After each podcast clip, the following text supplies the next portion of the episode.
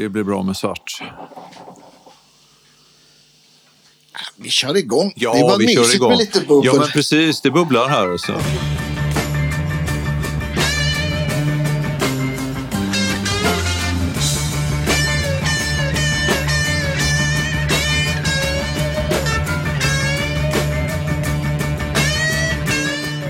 Åker, åker du hemåt ikväll? Eller? Ja, jag ska åka hem ikväll efter den här. Just det. Så 20... 2020. Just det. Ja, men då kan vi prata länge. Ja, men det, vi kör väl... Ja, Ja. så, Ja, men vi brukar aldrig, aldrig... Vi har liksom inga tids, tidsbegränsningar åt något håll. Så det, är liksom, nej, nej, men det är skönt. det brukar vara mer som ett, ett, ett samtal bara. Ja, men precis. Ja. Jo, men det jag har hört har ju varit... eh, Det, det är så skönt att lyssna på det för man vet aldrig vad, vad, vilken håll, vilket håll det går. Eller, och Ja, också. Ja, vad, hur det kul. kommer att bli. Ja. Det, är så, det är olika hela tiden. Liksom. Ja, men vad att, roligt. eh, Tack. Så att det, men det är ju... Ja, så det... Nej, men vi kör. Vi... eh, eh, nu bubblar det som tusan Ja, vi väntar tills det bubblar klart. Ja. Total eh, eufori på kaffet här. Men jag, jag kan ju eh, passa på att eh, tacka alla våra Patreons som stödjer oss via Patreon och alla kaffe och kaffemuggsköpare och alla ni som köper tröjor också. Det är stort tack för att ni supportar oss. Sen ska jag också eh, be er att följa oss på ni som inte har gjort det som lyssnar på det här, följ oss på Instagram och på Facebook. Eh, så där kommer ni få eh, ännu mer härligt gitarrcontent de dagar som vi inte släpper avsnitt. Och ja, men där lägger vi också upp bilder på, ja, men på gear och, och så vidare. För er som inte har gjort det så in, in och likea och följ. Det, det är, eh, ja, men det är mycket, mycket bra för, för oss. För ju mer, ju mer människor vi når, ju mer kan vi hålla på och gitarrnörda. Och jag ska också passa på att tack- tacka alla som kom på, vi hade Guitar Camp här i, eh, i lördags på Midsommargården här i Stockholm. Där ja, jag, Jojje Wadenius, Fredrik Åkesson, Kulle från Opeth och Magnus Josefsson var instruktör. det var väldigt lyckat. Vi Ja, hade en sån här kul. heldags gitarrnörderi. Ja, ja, ja. Och så hade vi också besök från, eh, från eh, Magnus Olsson på Krafton som hade sträng eh, föreläsning helt Ja, enkelt om elgitarrsträngar. Superintressant. Och han Ja. hade också satt samma sträng, eller på sam, sa, en exakt likadan gitarr hade han satt eh, om det var sju eller åtta olika typer av strängar. Okej. Så det var väl, väldigt intressant och nördigt. Och så Ja. sen hade vi också ännu en Magnus Lundqvist från Fitzpatrick som var och visade tre nya Universal Audio-pedaler Mm. som kom i onsdags. Och så hade vi Patrik från Yamaha Line 6 som satt med halva dagen med mig. Jag byggde ljud på Helix och pratade kring det. Det var väldigt, Mm. Väldigt kul. Och så sen hade vi också utrustning från Bose i, i alla rum. Jag spelade igenom två L1 Pro 16 Mm. och spelade till lite backing tracks. Och det hade alla instruktörer också. Så det, var, det kommer fler camps. Jag, Mm. Ja, vad eh, härligt. det, kommer, det, det kommer alla ni lyssnare inte att, att missa när det händer härnäst. Men nu över till, till dagens gäst. Välkommen till Guitar Geeks podcast, Rolf Jardemark. Tack så jättemycket. Roligt. Mycket kul att ha dig här. Och du är en av de här som har stått på listan sen starten. Men det blir ju så här då, vi är baserade i Stockholm och så sen du bor i Göteborg. Ja, och så en liten pandemi. Och så sen någon, På det. en liten pandemi som suddade bort två år av våra liv. Har gjort att... Så det är faktiskt kul att vi nu faktiskt kan ses istället för att vi Ja, skulle ha gjort det här på Zoom. Verkligen. Det är Ja. ju faktiskt mycket roligare att ses på, Väldigt mycket roligare. på riktigt Ja. än, än, än att ses digitalt. Det är bättre än, än inget alls. Men, men du, har varit, du berättade för mig tidigare, du har varit här i, i Stockholm på ett, någon typ av möte med Ja, Musikerförbundet. Musikerförbundet Ja. hade årsmöte så jag var, var med där då som eh, representant för västra, västra Sverige där ihop med ett annat gäng där. Ja, Så att eh, det var, det var kul också att ses. För har, det är tredje året jag är, eh, är med men eh, två år har varit digitalt då och det Just har det. inte varit så kul nej. faktiskt. Så att det här var, det, det kändes bra. Var, var hade ni mötet någonstans? Det var på, på um, Folksam i deras lokaler. Ja, just det. Sveavägen. Ja. Ja. Uh, nej, Nej. eh, nej, det är på, Nej, på Skanstull. Skanstull är det. Ja, precis. precis. Jodå. Just det. Jag tänker på Skandia. Nej, det, det är Sveavägen. Ja, just det. Precis. Nej, Skanstull. Och, Ja. och, eh, nej, så det var, det var positivt. Och så var det ju grymt att det gick att tajma och komma hit. Ja, men visst, In- vi Så får- åker hem ikväll. Och, eh, som jag sa så hann jag med ett besök på The East Go to Eleven också. Så Ja, just det. är Vad, vad, vad blev det för något? Ja, men det blev ju en sån här eh, looppedal. Eh, eh, Electro Harmonix eh, 1440. Just heter det. Och så, egentligen så skulle jag bara ha en volympedal, en sån lite mindre volympedal. Eh, och det var väl en Dunlop då. Ja. Som för att eh, jag får aldrig med, alltså de här, jag har flera Ernie Ball, den gamla klassikern, men de, de är så, lite för stora. De här, det tunga. Ja, men precis. Så det, det är ju roligare att ha lite fler grejer och så lite mindre. Ja, så men att, eh, visst. Så det är alltid trevligt att komma, komma dit. Ja, men det är det. De är supertrevliga och kunniga. Och det, Verkligen. Det enda som är jobbigt är att det brukar alltid bli lite, lite dyrare än man hade Ja, tänkt. annars är, det får man, och det får man nästan räkna med. Ja, det får man nästan Ja. räkna med. Det är helt Ja. sant. Men då har du den, är det den lilla svarta örnebollen Ja, då? ja. Ja. precis. De är supersmidiga, måste jag säga. Ja. Ja, ja, det kändes som det. Ja. Eh, Nej, vänta nu. Dunlop var volympedalen. Alltså Ja, volympedalen, Dunlop var ja, Dunlop. Dunlop, ja precis. Ja. Om, den, om den är så här liten, så, Ja. nästan som min mobiltelefon. Ja, Ja, men det är Dunlops, precis. Ja, men jag, jag har en sån också. De är formidabel storlek får man ju säga. Ja, vad roligt. Ja, det ska bli Och den, kul. där, ja, men den funkar väldigt bra. Jag är lite nyfiken i och med att jag brukar loopa saker själv. Sådär. Hur, hur använder du en looppedal? Jag, jag brukar ha det om man spelar. Jag spelar ju massa olika eh, sättningar och, och eh, eftersom jag frilansar så blir det allt möjligt. Och eh, om man spelar på mindre sättningar, på Duo till exempel, Ja. Och det är med någon som inte spelar ett ackordinstrument så blir det ju att man får sitta och kompa i, i eh, oftast under lång tid. Då. Så då brukar jag ha med en looppedal och så kan man lägga upp någon liten intro, någon liten eh, vamp som man kan eh, improvisera lite grann över. Så att det är så jag använder den. Eh, i, i, det mesta. Sen, lite grann för att, att sitta och ha kul. Alltså kanske öva lite hemma och så kan Ja, man göra ibland också. Det är roligt. Men, men då har jag upplevt att Alltså, det är inga problem att få igång looppedalen och det är inga problem att få den att- i, time heller. Eh, I de flesta fall. Men, men eh, stänga av är ju eh, ett, ett svårare kapitel på många pedaler. Så när du inte har en dedikerad stoppknapp så ska du trycka två gånger. Liksom. Ja, men precis. Ja, Vi pratade om det innan. och Jag, jag sa också att jag, jag, lärde mig också loopa på en, en, en sån här, eller jag lärde mig på en sån här Line 6, Ja. den gröna DL4. Ja, men precis. Så att de här loop-killarna med en knapp, Mm. jag blir inte heller, jag lyckas också inte heller slå av dem när man ska. Så, Och jag hade ett tag en, den här största TC Eh, vad just det, heter gånger den? fyra. Ja, exakt. Ja. Eh, Gånger fyra. Och den, den, den var ju väldigt, väldigt bra. Ja, visst. Där kunde du göra mycket grejer, men, men eh, den var lite för stor att ha med sig. Då, eh, sådär, på ett pedalbord i alla fall. ja, men jag. precis.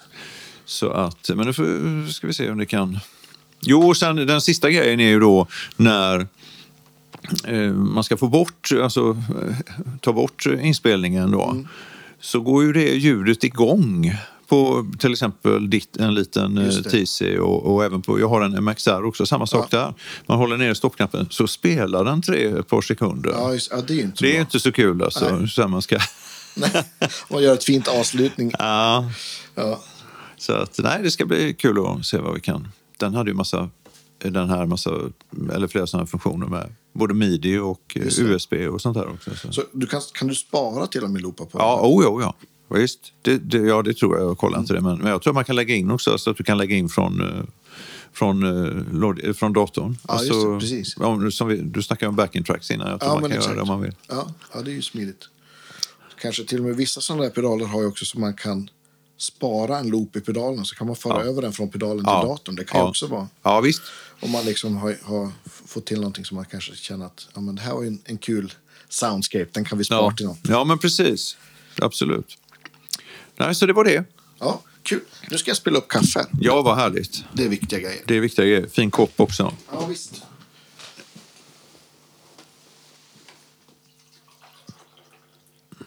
Tack, tack. Jag sular lite här. Hopplös på hälla den här.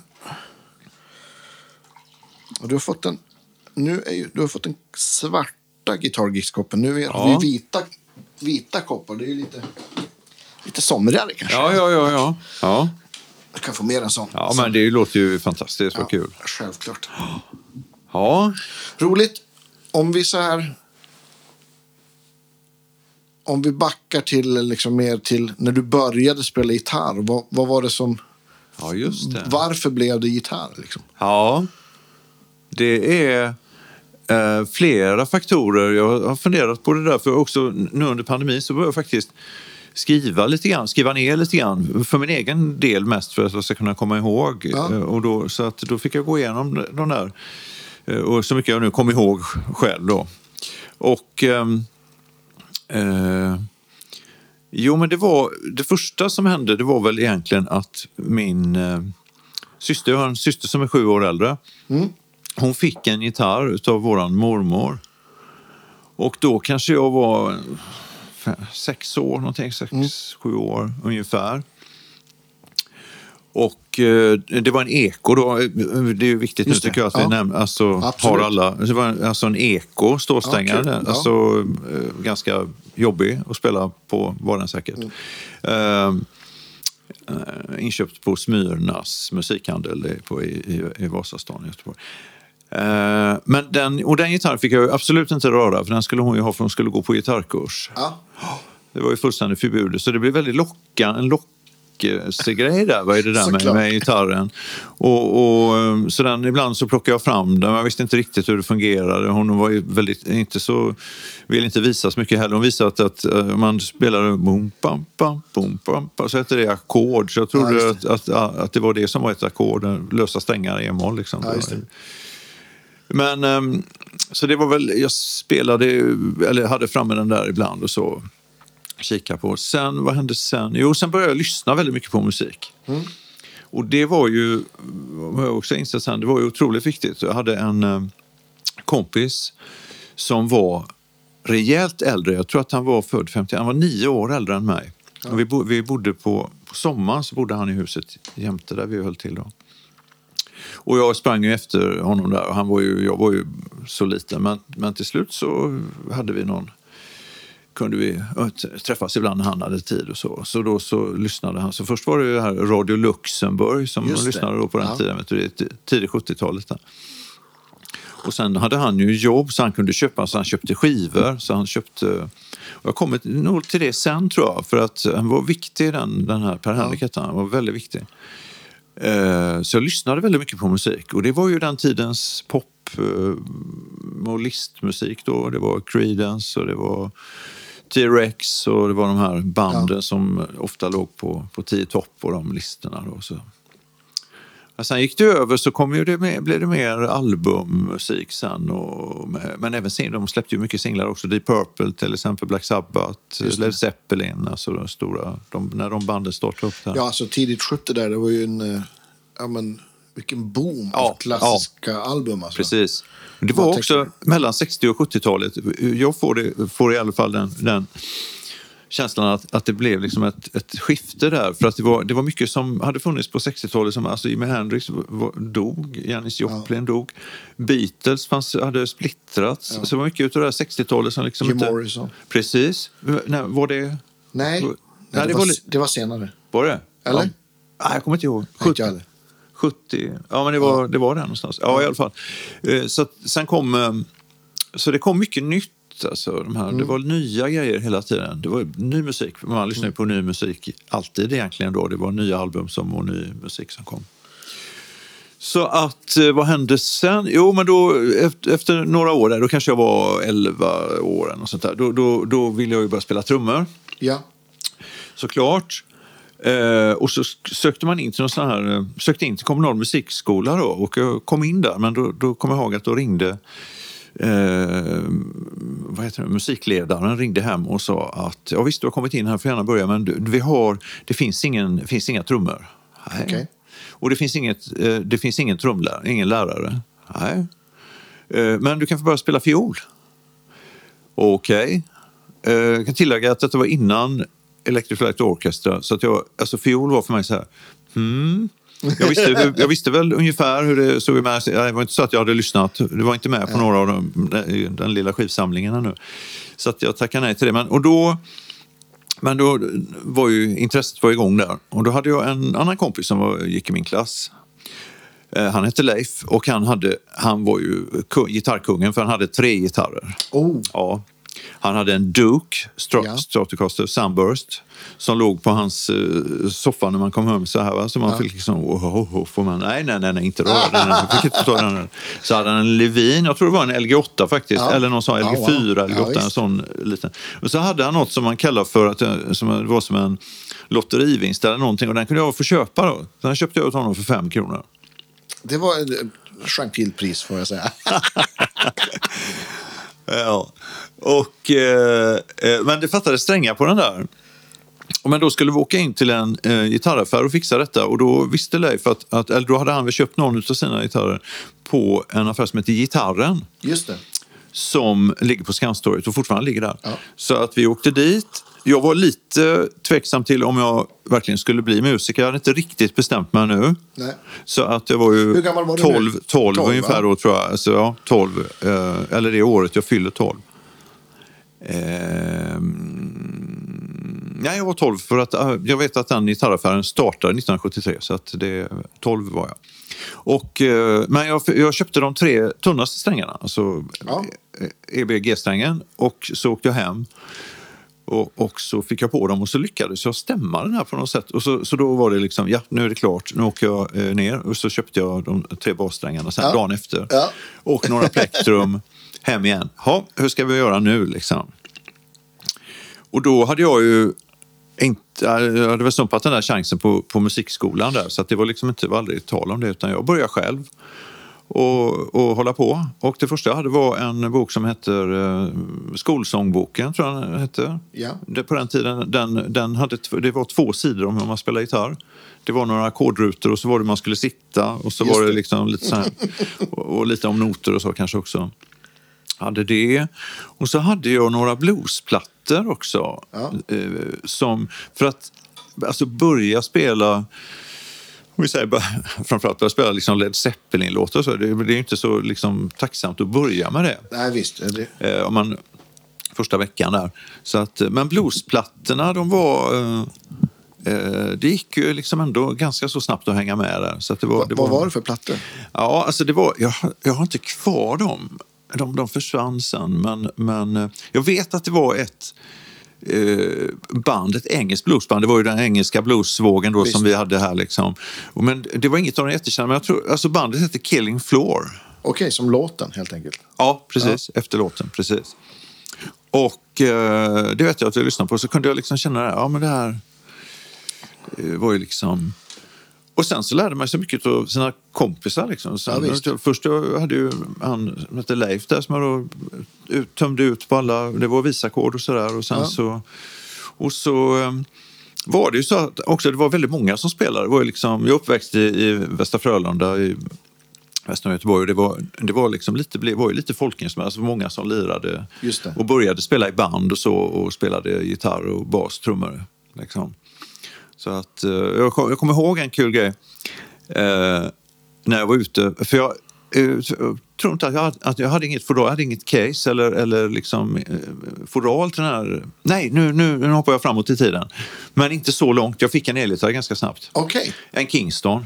Ja. Mm, värdelös. Ja. Ja, gick eh, skitsvår att stämma.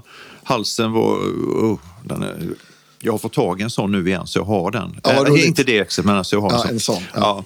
Och då var jag ute med den där och då hade jag, jag hade inget förråd, men jag gick till, över till min, min kompis, mina kompisar, jag hade den här gitarren hängande så liksom. Det var ju grymt kaxigt. Och, Ja, liksom. och vid ett tillfälle så kommer en kille, han är några år äldre än mig. Eh, då har jag haft den en vecka liksom. Och så han hade sån här, han var fräck, han hade långt hår och hade sån här afghanväst, hette Ja, det, sån som Ja. Hendrix hade. Liksom. Sån hade han. Ah, vilken häftig gitarr, tyckte han. Så här, ja, du, eh, ja, vad spelar du? Så tog han några ackord. Så, ja, men du, kolla här. Så tog han, så, jag får låna en gitarr. Vi, tog en gitarr. vi står utomhus liksom. Och så, så här, da, da, da, da, da. Han kör ett boogie-komp i Ja, E, liksom. Så här, va? En hel blues-tolv. Och jag liksom, va? Det här, ja, men det har jag ju hört. Så jag hade ju liksom, oj. Och så var det hem och så liksom öva. och Så här.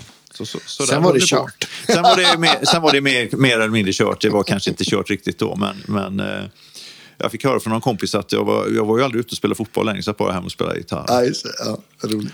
Och så var det en del eh, som höll på. Jag hade en, en kompis som hette Jarmo Klaus som eh, han, var faktiskt, han var faktiskt bra. Han hade plankat en del Hendrix-grejer så att vi spelade och så började han spela bas, så vi spelade en del. Men det var svårt att hitta någon som lärde trummor. De hade Ja. ju inte trummor ens på kommunala musikskolan. Som jag sa. Ja, så, att det blev liksom inte någon riktigt band där på, på i, under skoltiden. Utan vi hade våra små konstellationer där. Också en del med akustisk gitarr och sjöng lite grann.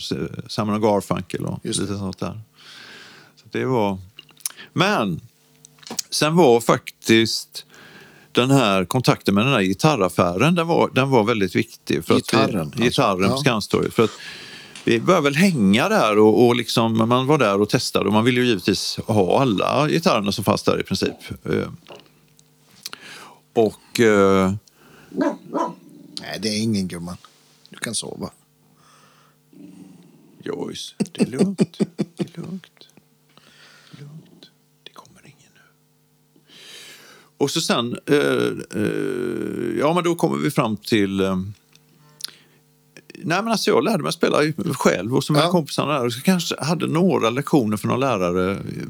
Jag hade några lektioner för en gitarrist som heter Charles, Charlie Mervik. Okej. Som var eh, gammal jazzgitarrist. Fast det förstod, förstod jag inte så mycket av då. Nej. Men, jag vet att... Eh, Eh, så höll det på där på högstadiet. Så- Men nian, då skulle man ju pr- prya, hette det på den tiden. Och då lyckades jag få en pryovecka i den här gitarraffären då. Och det var ju lite drömmen att kunna vara där och bara gå runt och damma de här gitarrerna och prova allting. Ja, visst.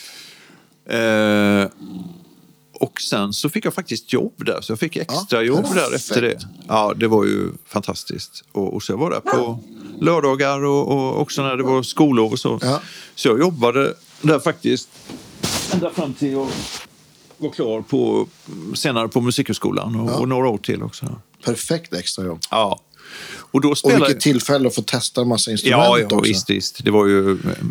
Får, får jag gissa att kanske någon lön gick till någon gitarr? eller Ja, ja, ja, ja, ja, ja, ja, ja. Första, första Fender Twinnen, Ja. ja, den fick jag ju jobba av där. Så. ja, jag förstår. Jag tror att det var typ 10 kronor i timmen. Ja. Och en ny Twin då kostade 4 000. Ja, det är ett par timmar. men men eh, vad blev nästa gitarr då? Blev, vad, vad liksom... Just det, vad blev nästa första, gitarr? liksom, om den man där ska säga Kingston. riktiga Ja. gitarren så att säga. första riktiga gitarren. Då var det så att jag ville ju alltid ha en, en eh, eh, alltså, eller ville ha, jag spelade ju både en akustisk gitarr och elgitarr. Så det, Mm. det blev den första nylongitarren som var som en vanlig klassisk eh, modell. Sådär. Ja. Det, det var, var en gitarr som jag skulle vilja hi- hitta en sån någon gång, men jag har aldrig sett någon sån. Alltså det stod CBS på etiketten. Jaha. Men samma som var på skivorna. Ja. Alltså, så att Columbia Broadcasting System hade satt på en etikett på, på en gitarr. Som ju eh, då största sannolikhet var, var byggd i Japan. Men den var ganska, som jag minns det, ganska okej. 73 Ja. kanske vi är på nu. 74. Ja. Och sen så var det lite eh, lite olika elgitarrer där. Som, men det, det, det kunde vara ganska kort tid som varje elgitarr passerade revy. Ja, men jag kan förstå Alltså, det också, då du hade också- tillfälle ja, att testa ja, så ja. många. Så, så. Så var det en annan kompis några år äldre mig också som också var viktig. Eh, Han, han var... Om jag då var 15 så var han 18, 19 kanske för han hade bil och körkort och jobb och så, här. så han köpte också han köpte gitarrer och, och så fanns det en, en um, grossist som hette Muskantor. Just det. kunde man åka ut dit, ut i Mölndal där och också testa. Och eh, vi åkte runt i hans bil och, eh, och en del, och han hade några andra kompisar som lirade också. Eh, men så hade han en, en Les Paul Deluxe Ja. som var byggd 73. Och så skulle han sälja den. Så då, då, då var det dags. Så Ja. det var första, var första Gibson-gitarren. Och Ja, sen har det väl varit eh, där eh, ganska mycket. Ja. Med vissa avstickare givetvis. Men det har varit, så jag gillade väl det eh, från början där. Så eh, en Deluxe och en, en Twin Perfekt. kunde jag ju egentligen haft kvar. alltså spelat på hela tiden. Ja, faktiskt. Men så blev det inte. Så det var... ehm, Och då, då måste jag ha gått i nian, alltså jag var 16, 15, 16 eh, år där. Ja, vad hände Ko- sen? sen Har du något så här, kommer du ihåg något så här när du så här kände att du någonstans bestämde dig för att ja, men det är musiken det ska bli eller Ja. blev det bara så? Eller? Nej, jag var, jag var väldigt, eh, jag var nog väldigt målmedveten egentligen. Just det, eh, eh, kompisen som jag berättade om där, Per-Henrik, han spelade, han hade, han köpte massa plattor, men det var inte alltid han gillade dem. Då spelade han in dem på kassett och så sålde han dem sen. Ja, Be- liksom begagnade. På, på, det, på Bengans då som hade, fanns startat då i Göteborg. Och eh, så han vet att han hörde av sig. Det här kan nog också då ha varit ungefär 1975. Ja, det var det, för den plattan kom då. Då hade han varit och köpt eh, Pat Metheny's Bright Size Life. oh, visst. Ja. Och så ringer han mig och säger du, jag har en platta här, den var recenserad, för då hade den varit recenserad i Göteborgs-Posten. Men jag vet inte om jag tycker att den är så himla bra. Så men, men kan inte du komma och lyssna? Och så var det en annan kompis som var där också, som också lirade gitarr. Och, och vi lyssnade på det här och den andra kompisen tyckte så här, nej det här var väl väldigt konstigt. Så här. Och jag kommer ihåg att jag fick på mig den här Bright Size Life och liksom lyssnade i lurar. Så han hade för, med mina mått mätt en ganska bra eh, stereoanläggning. Liksom. Och jag bara fullständigt smällde av och höra det här eh, eh, gitarr och, och Ja, eh, Jack och Pastorius Visst. och Bob Moses. Ja. Och, och just också soundet. Precis. Alltså just det här soundet. För det, det, var liksom inget, det fanns inget innan som jag hade hört som lät Nej, på visst, det sättet. det var ju alltså, både, både gitarrsound, lir och bassound. Ja. Och lir var ju liksom, ja.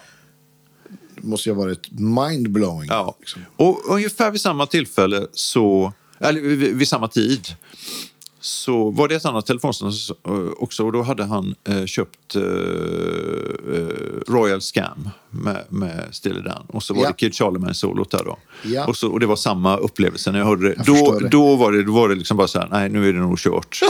alltså, som Athene och Larry Carlton Ja, faktiskt var det då. Mm.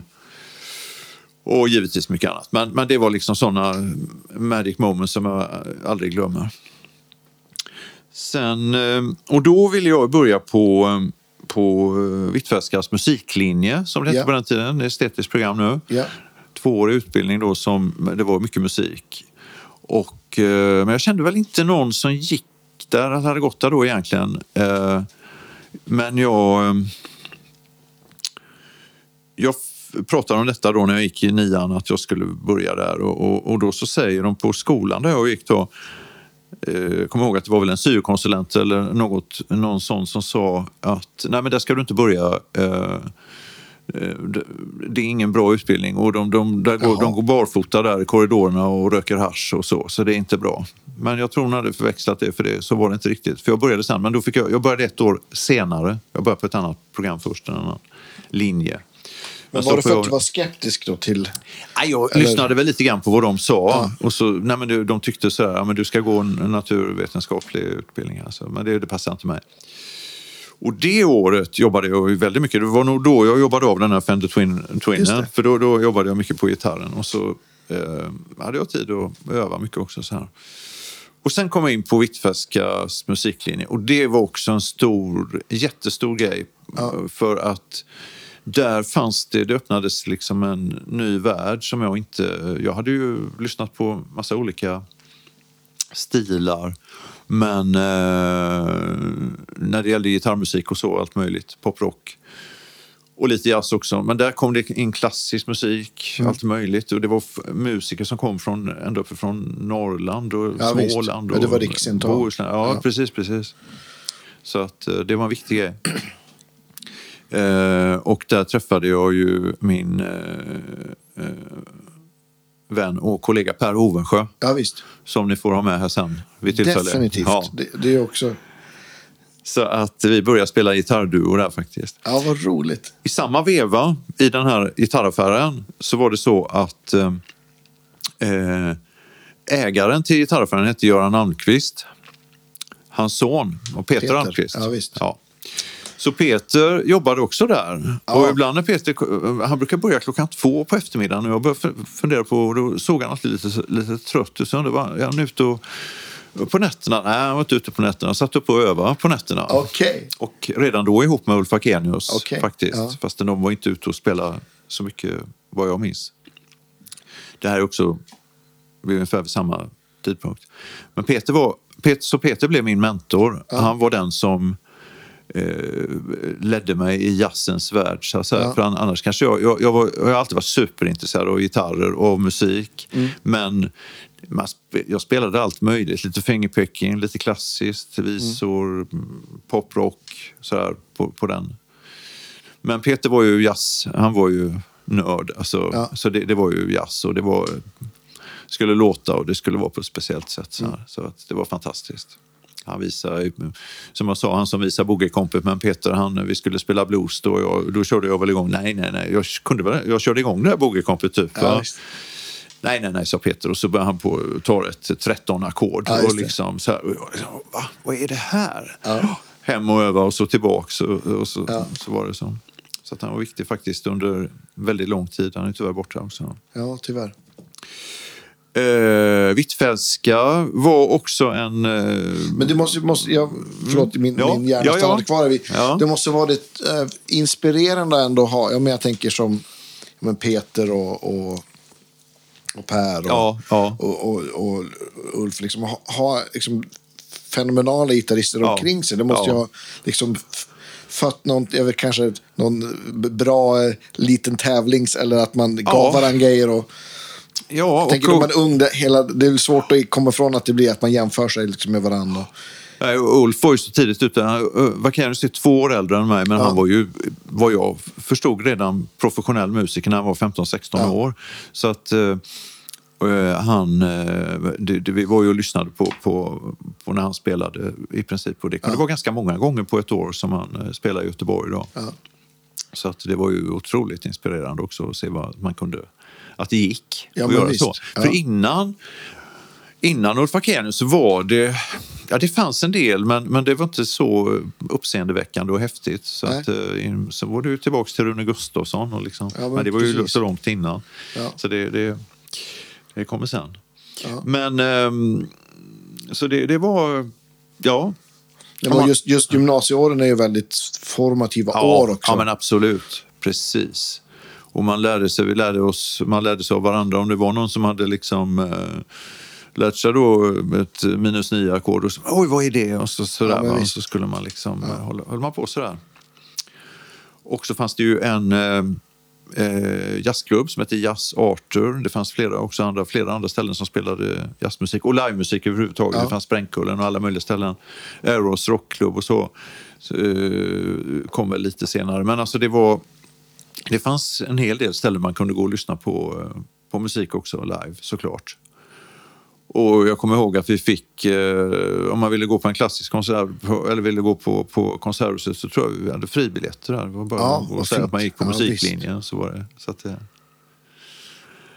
så så var det. Vad var det gitarrmässigt då? Ja, men Les Paulen hade jag ett tag men sen så Ja. skulle man ju... ehm, eh, tror jag faktiskt att jag skaffade då, det var ju jazz, eh, kom in i den här jazzvärlden där. Och då var det eh, en eh, Aria Pro 2 Just som var den en första burk. jazzburken. Ja. så var det en L5-kopia Ja. med två handbacker. Så, så den, den var, ja, men det har någon bild på den, jag sitter hemma och övar på den. Och jag tror alltså jag hade ju inga, inga, jag hade inga gig så liksom. Man spelade ju på, på skolan Mm. liksom så här, eh, under den tiden. Men eh, spelade ju mycket med kompisarna. Och eh, ja, men det är den och så den här Twin Reverben också som man fick. Alltså de vägde över 40 kilo då tror jag. Det var ju. JBL-högtalare Ja, och en jättetroff. Alltså de var Ja. hur tunga som helst. Det är skönt med de här ton, tonmaster nu. Ja, jag har en sån deluxe nu. Ja, perfekt. Underbar. Ja, vad väger den? 11. 11. Jag hade, jag, min gissning var 12, men det var ännu bättre. Ja.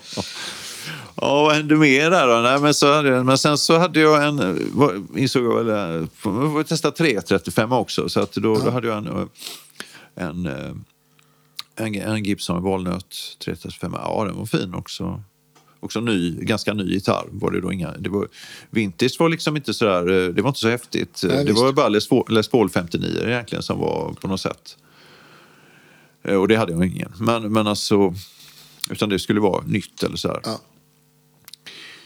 Eh, men då, då tyckte min mamma att jag eh, måste du hålla på och byta gitarr hela tiden. Det blir väldigt kostsamt. Nu får du, nu får du lite pengar så ska du köpa en gitarr. Mm, Den ska du ha kvar. Ja. Ja, så det är den gitarren jag har haft längst. Det är en, en Sigma eh, Dreadnought, alltså Ja, vanlig Martin. Ja, kul. Kopia så här. Så att den har kvar faktiskt. En bra gitarr. Ja. Eh, så Hvitfeldtska, ja. Och så då, ja, då startade vi ju lite grupper där. Eh, Spelade med en basist, eh, Stefan Bergman, som är aktiv nu fortfarande i Göteborg. Spelar mycket världsmusik. Ja. Vi hade vårt första band där. Och... Eh, Ja, så var det också där. Jag spelade med Per Hovensjö och sen, sen eh, så började han på Musikhögskolan och då var det en klasskamrat som heter Tommy Olsson som är, har varit lärare, eller är lärare på Hvitfeldtska eh, nu. Ja. Har varit i många år. Så då spelade vi och så hade vi den här gitarrduo-grejen var gående där. Och vad, vad hade ni för repertoar då? Ja, alltså det var faktiskt ganska mycket egna låtar. Ja. För att eh, vi kunde inte så mycket annat. Alltså, eh, vi, även om vi skulle spela jazz så var väl det, ja men då kanske man kunde fem eh, standardlåtar. Eller, eh, om man ens kunde det. Så att det var ganska vanligt. Att, och så, men så skrevs det, vi skrev en hel del. Inte minst Per Hovensjö han skrev. Ja. Ja, kul. ja, jätteroligt. Och ehm, ja, hur, mycket ska vi, hur, långt, hur långt fram ska vi komma? Så Ja. vi, vi, vi är kvar här, vi har inte kommit ut i gymnasiet ännu. Ja, nej men... Som sagt, det är ju det är en viktig tid. Och, Det är väldigt viktigt det som du säger, det som händer då, Ja, det formar, visst. Ja, formar men en sen. precis. Och, och, ja, men, och, och namn som du nämner nu är ju folk som, som fortfarande spelar eller som Ja, oh ja. fortfarande är aktiva. Ja, ja, så- oh, ja, ja. Det är samma för mig. Liksom. Ja, Jag, jag spelade senast igår med, med en basist som jag spelat med sedan gymnasiet. ja vad roligt. Ja, vad Så roligt. sånt är ju underbart, faktiskt. Ja, visst. Så var en kille som hette Jonas, han gick i min klass. Han, han, han var ju otroligt begåvad. Han slutade eh, på gymnasiet för att vara hemma och öva. Han hade Aldemiola som... eh, Just det. Ja. Som, som, eh, jag tror Staffan pratade om det faktiskt. Jag lyssnade på Staffan det, William. Olsson. Ja, och så var det ju. Staffan givetvis Såklart, också. ja. Staffan var ju också, han gick inte på Hvitfeldtska men han, han var ju också inspirerande. Han, var med, han var med i mitt första band. Okej. Men spelade keyboard. Ja, okej. Han var ju, men sen så tog, kom ju gitarren mer och mer och så Ja. Stack han iväg. Så han var också viktig. Eh, ja, så var det här Hvitfeldtska så var det slut. Då visste jag väl inte riktigt vad jag skulle ta mig till eller vad jag skulle hitta på. Så här, jag flyttade hemifrån och flyttade till en etta i Majorna. Och eh, eh, det var innan de här folkhögskolorna hade, hade börjat. Alltså eh, Fridhem och Skurup. Och, och, eh, de fanns inte, eller i alla fall kände inte jag till dem. Nej. Jag tror de drog igång ungefär då. Ja. Så att jag var väl kvar där på gitarren. Jag jobbade på gitarren och så spelade jag lite grann så där med olika konstellationer. Inget som var något som jag kommer nästan inte ihåg. Det, det, eh, ja, det var lite olika replokaler som man hängde i och, och, och Ja. jammade och, och repade mest. Och då hade jag väl den där. Men sen kom då eh, en sånt där kanske avgörande. Det var när jag fick tag i min första Gibson E ES 175. Och det var någon gång där i, i eh, 78. Någonting. Just det. Och eh, då fanns det en liten gitarraffär som låg väldigt nära där jag, dit jag flyttade sen i Majorna som hette Kapten Gitarr. Gurans. Ja, Det känner du till? ja visst. Ja. Så Guran alltså, fick köpa den här. Den kostade 3 5. Det hade den där Les Paulen kostat också. Tror jag. Det var samma pris på alla gitarrer. 3 5. Ja. Jag tror 3,35 kostade också det. Okej. 3 5. Det Det var var så- sån här standard. Ja, Vega gitarr. Och eh, den hade jag. Sen spelade jag mycket på där. Och det, det, men, men sen... eh, Vilket år var den? Ja eh, det, ja, det var ju ingen som visste då. Ah, okej. För att det fanns liksom inga sådana listor. Nej, just det. Det fanns, fanns någon konstig röd bok och nästan allt som stod i den var fel. Ja. Så att, men sen visade det sig, jag hade den några år och så eh, visade det sig att eh, den var från 1949, alltså första året. Okej. Som den, så att det var, den hade alltså kostat 175 dollar när den Just det. såldes i Ja. USA. Då. Så det var lite häftigt. Men det visste inte jag förrän jag eh, senare bytte bort den mot en L5 som jag sen, ja, det är en sorglig historia. Men eh, till slut blev det att jag fick pengar så jag kunde betala hyran och så fick jag en Ibanez Ja. planka. ja. Som jag har glömt namnet på nu. vi har alla gjort de Ja, där alla har gjort de affärerna. här. Ja, precis. Av, precis. Det, Ja. det är också, jag, jag vet inte vem det var jag pratade om det. Man skulle kunna göra med nästan alla poddgäster skulle man kunna göra ett avsnitt bara om Bara om instrument som man dåliga- ångrar. dåliga affärer, Dåliga affärer Ja, och instrument som man ångrar Ja, man ja, sålt. visst, visst. Så att det, ja. Eh, men sen... Eh, ja, men så var det ett år där. Och sen, men sen så tänkte jag att jag skulle söka in till Musikhögskolan. Och Ja. då hade de startat det som hette då improvisationspedagog eller afroamerikansk linje. Som var en lärarutbildning, men med inriktning åt, åt det hållet. Då. Så då sökte jag dit och så kom jag in. Och då kom jag in på, med elgitarr som huvudinstrument. ja. Det var bara att det fanns ingen elgitarrlärare. Okej. För de hade ju inte utbildat några innan. Nej. Nej. så det var lite konstigt. Så jag blev ju lite sådär, jaha, vad ska vi göra då? Men då fanns det ju eh, många lärare som var klassisk, eh, på klassisk gitarr. Just det. Så jag hade en jättebra, jättebra lärare som heter Lars-Anders Karlsson som jag lärde mig jättemycket av när det gäller klassisk gitarr. Eh, men sen, och han, det hade jag i fyra år. Om jag minns det, jo men det måste jag ha haft. Ja. Eh, sen eh, kom det efter något år eller två så kom Janne Ottosson. Just det. Då hade han varit på Git. Ah. Så då kom han hem från Git och då hade han med sig mycket kul grejer. Så att han var där, men inte så länge. Så att det var inte så mycket elgitarrer heller. Och då, så då fick jag en svacka. Om du frågade den när du bestämmer dig. Ja. Eh, då var det nästan så att jag var på väg att och börja, kanske börja göra någonting annat. För jag var, Okej. jag var ganska besviken på eh, utbildningen och, Ja. och att, att det alltså inte fanns någon... Det var också en improvisationsutbildning men det var under de första åren ganska lite ensemblespel Ja, okej. och improvisation, alltså jazz överhuvudtaget. va? Så att jag, jag visste väl inte riktigt där så att eh, jag var på väg att sluta men, men eh, en bra studierektor sa att jag skulle ta uppskov istället. Så Ja, det. tog- det var en bra grej så att jag tog uppskov. Samma veva träffade jag min blivande hustru och vi flyttade ihop. Eh, och jag hade, eh, jobbade på gitarren där igen. Ja. och hade lite elever och spelade lite grann. Vi hade lite olika band och så här. Och jag började också spela med min frus syster som heter Margareta Evmark. Ja. Sjunger och spelar kontrabas.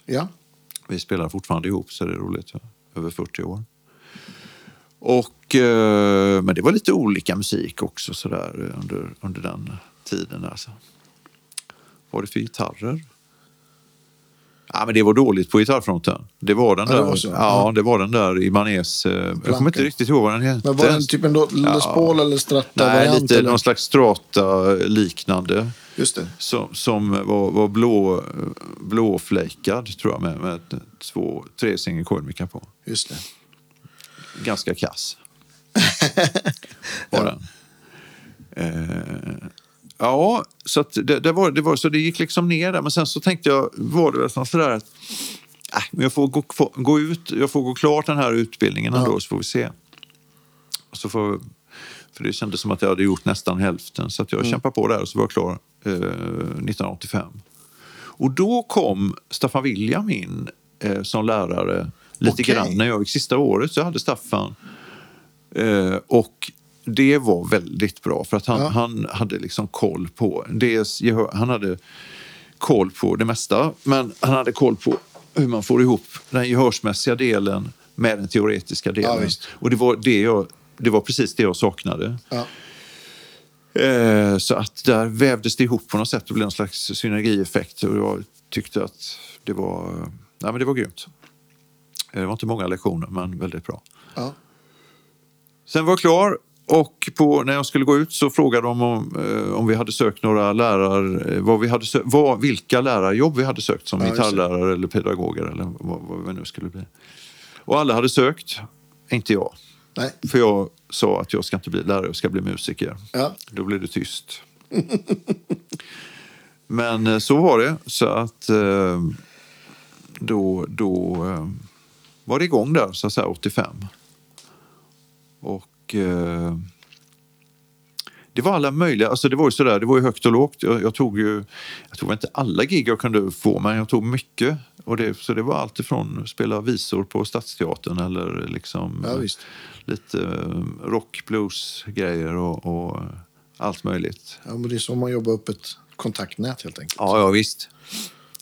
Sen började jag spela i ett, ett band. Ja, det, sen var det faktiskt ganska många olika konstellationer och grupper där.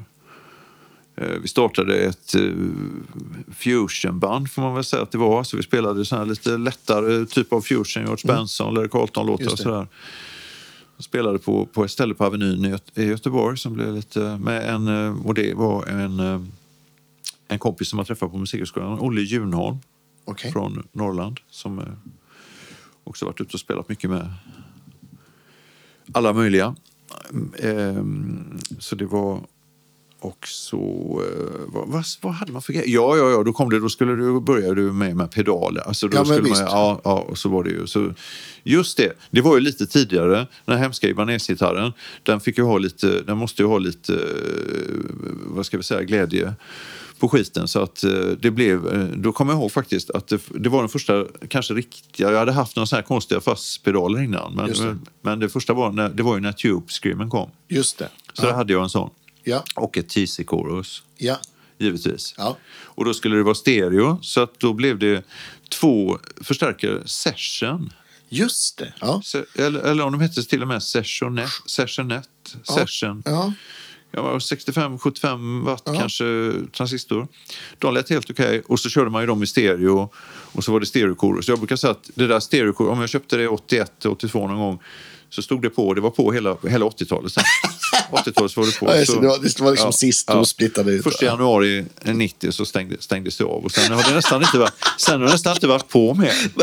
Jag har kvar dem, jag har kvar båda dem. Det är roligt att titta på dem ibland. Ja, Men visst. varje gång jag kopplar in, framförallt stereokoruset där, så... så nej, hur, ja. Men det var det, var det soundet. Det Ja, var, visst. och det gjordes ju, vi gjorde ju en del inspelningar och så här som man har. Sen eh, eh, var det en kille som hörde av sig som jag egentligen inte kände, men jag visste vem det var. Han hette Stefan Sporsén. Spelar Piano och eh, trumpet. Mm. Keyboard och trumpet. Han är ju eh, kapellmästare för Håkan Hellströms band. Just det. Och frågade om jag ville vara med i ett band. Eller först handlade det nog bara om ett gig. Eh, och det var... ehm, bandet hette Nick Noy. Okej. Och jag började spela med dem och sen så var vi, eh, eh, spelade jag med dem i säkert i kanske fem år. Och vi spelade mycket. Alltså det kunde vara sex, åtta gig i månaden. Inte kanske hela tiden, men, men det var Vad var det för typ av musik? det var allt möjligt. Ja. För att vi, det var, det var så här, vi spelade, vi, vi tog också eh, väldigt många, ja, vi hade olika typer av gig. Så det kunde vara, ja men vi kunde spela på bröllop och 50-årskalas. Vi kunde spela på företagsgig, men vi kunde också spela på krogar. Ja. Så vi spelade på Valand i Göteborg och på Chalmers sommarklubb hade vi sådana här stående Just det. engagemang. Och, eh, så det, och det var väldigt bra. Det var, bra all, det var väldigt bra musiker eh, i bandet. Så att, eh, Staffan Brodén spelar trummor. Ja, Var i ja, Stockholm visst. nu. Ja. Och Fredrik Bergman spelar bas. Han har varit frilansat mycket i många sammanhang. Mats Sköldberg, eh, piano, han jobbar på Operan nu också, där jag Ja. är ibland. Och Erik Gullbrandsson eh, sjöng, han är musikalartist nu jobbar mycket Mm. i Malmö. Och så var det Johan Borgström också på saxofon. Så, att, så det var ett gött gäng. Ja, visst. Vi hade eh, som policy att vi skulle ha smoking. Men det var ingen idé att liksom ha extra smoking, alltså att man, utan vi hade på smokingen redan när vi åkte hemifrån. Ja. och hade den tills man kom hem. Och i början åkte vi omkring i två sådana här små Renault eh, med, med sån här rattväxel. Vad, heter det. de? Fyra? eh, Ja, jag är dålig på det då. Ja, ja, ja, det var väl Renault va? Eller nej, ja, det var, det var så här pyttebilar i alla Ja. fall. Vi hade två sådana. Och hur vi fick plats, vi var ju fem, sex musiker plus PA, förstärkare och trummor. Men det gick bra. Så att det, var en, det var väldigt lärorikt. Det, förstår ju det så i efterhand att vi, vi byggde upp en, en otrolig repertoar. Ja, Första, visst. en, en kväll kunde det se ut så att första set så spelar vi lite jazz. Om vi spelar till exempel på en, en fest så spelar vi jazz första set. Mm. Och, och lite bossa nova och sådär. Eh, vi började alltid med There will never be another you. Och sen spelade vi, gick vi över på Girl from Ipanema. Det var standard. Började vi inte med dem, då var det något konstigt. Ja. Och sen så, man så gick det över till lite mer sådär eh, allmän cover eh, i, i andra set. Och var det ett tredje set så spelade vi väl mer eh, eh, con- contemporary, alltså det som var så det var, var det Hit- som var då. Det var Orup liksom. och Ja, Kid Creole and the Coconuts. Ja, det som var som dans, golfsmusik live kan man säga då. Ja, men det är ju att, att spela mycket. Det finns ju inget, ingenting som... Jag brukar säga det till elever eller om jag gör kliniskt. att Det finns inget som... Det går liksom inte att läsa sig till eller öva sig till Nej. rutin. Nej, nej. Det måste man, Nej, det var fantastiskt det måste lärorikt. man leva. På något vis. Eller göra bara. Ja, ja visst. visst. Det, var, det var jätteroligt. Eh, den där hemska Ibanez. Jo, nu kommer jag ihåg vad den där eh, gitarren hette. Blazer. Hette den där hemska. Blazer? Blazer. Ja, den, nej, den är liksom... Jag måste googla och ja, hur den ser nej, ut. Jag vet inte. Den, den, den finns inte på internet ens. Men sen blev det en, en fin allround-gitarr som jag hade i, i flera år. Och det var en, också en Ibanez, den första Steve Lukather-modellen som de gjorde. Just det. Den var blå, väldigt snygg så här lönntopp. Och så lite strata-liknande fast den ändå liksom lite tjock. Sådär, lite... Känns det igen? Uh. Usch. Oj, oj, oj. Tänkte jag byt, byt, byt en L5, jag tror den var från 50-talet, mot den och så 1500 spänn till hyran. Ja. Eh, Steve Lukather-gitarren, den var bra. Den, den var väldigt, väldigt bra. Den hade, och den hade svaj och den hade Ja. två humbucker som var splittbara också så man Just kunde det. få lite, lite strata så här feeling. Så den hängde med, en, med länge där också. Ble, blev det några fler pedaler än, än Tube Skimmern och Koruset? Ja, det är klart att det blev. Eh, det första hade ju de här första D- DD2 hette den, eller Ja, DD, Boss. det någon som hette Ja, DD1, visst. men jag hade en DD2 Boss delayet. Tube Screamen TC. Nej, det var nog de som var grunden. För, Ja. att, för, att, för jag kommer ihåg att, att det där reverbet i de där sessionförstärkarna var ändå hyfsat. Ja. Så att, eh, då, och det fanns ju inga reverb-pedaler för övrigt. Nej, visst. Det, det var inte uppfunnet. Så började man ju skissa på det där med programmerbara, eh, att man skulle kunna bara med ett tryck kunna byta mellan Ray Parker Jr. Tiki, tiki, tiki, Ja, tiki, visst. till liksom värsta disten så på, bara med ett, det ska bara vara ett tryck. Ja. Och då gjorde jag någon egen lösning på det. Så att jag hade splittade gitarrljudet, så jag hade två kedjor. Så jag hade en AB-box. Ah, Och då gick den ena var ren. Eh, Och det, jo, men då hade jag en kompressor också på det. ja. Och det andra var eh, dist, delay. Just det. Och så, och så var kanske var något mer, jag kommer inte ihåg det nu. Sen gick det på något sätt eh, ihop igen. Eller, eller AB-boxen satt nog efter för splitter och så sen satt. AB-boxen. Och sen gick givetvis alltihopa in i stereokoruset. Ja. så att det var liksom, så att det var stereokorus på allt. Ja. Men, men där, så, där hade jag faktiskt en, en metod att jag kunde liksom byta så här, tick, tick, tick, alltså Ja, snabbt mellan de där. Innan, sen kom ju de här första Ibanez, där var en rackenhet som, som eh, med pedal Ja. bord till och så Ja, kopplade du in pedalerna på baksidan och så kunde man välja. Ja. Sen var det ju den här TC2290, hade ju Just också den funktionen. Ja. Så att, eh, men men nu, nu är vi snart framme vid racktiden här. Det, Ja. det blir, då blir det ju Spännande. ryggskotten, eh, ryggskottets tid. Eh, ja, herregud. Sen hände det en grej då och det var det att Per Hovensjö var över. Han gick också på GIT. Ja. 85, där 86. Och så när han hade kommit hem så, så eh, fick han kontakt med Michael Ruff, Okej. keyboard, Ja, sång. Och då, då skulle Michael Ruff komma hit och spela. Han var på turné med Lionel Richie. Mm. Så då styrde vi upp ett eh, gig med. Michael Ruff. På, och det var på, då på Nefertiti, alltså jazzklubben i Göteborg. Ett, ett gig var det och så skulle vi...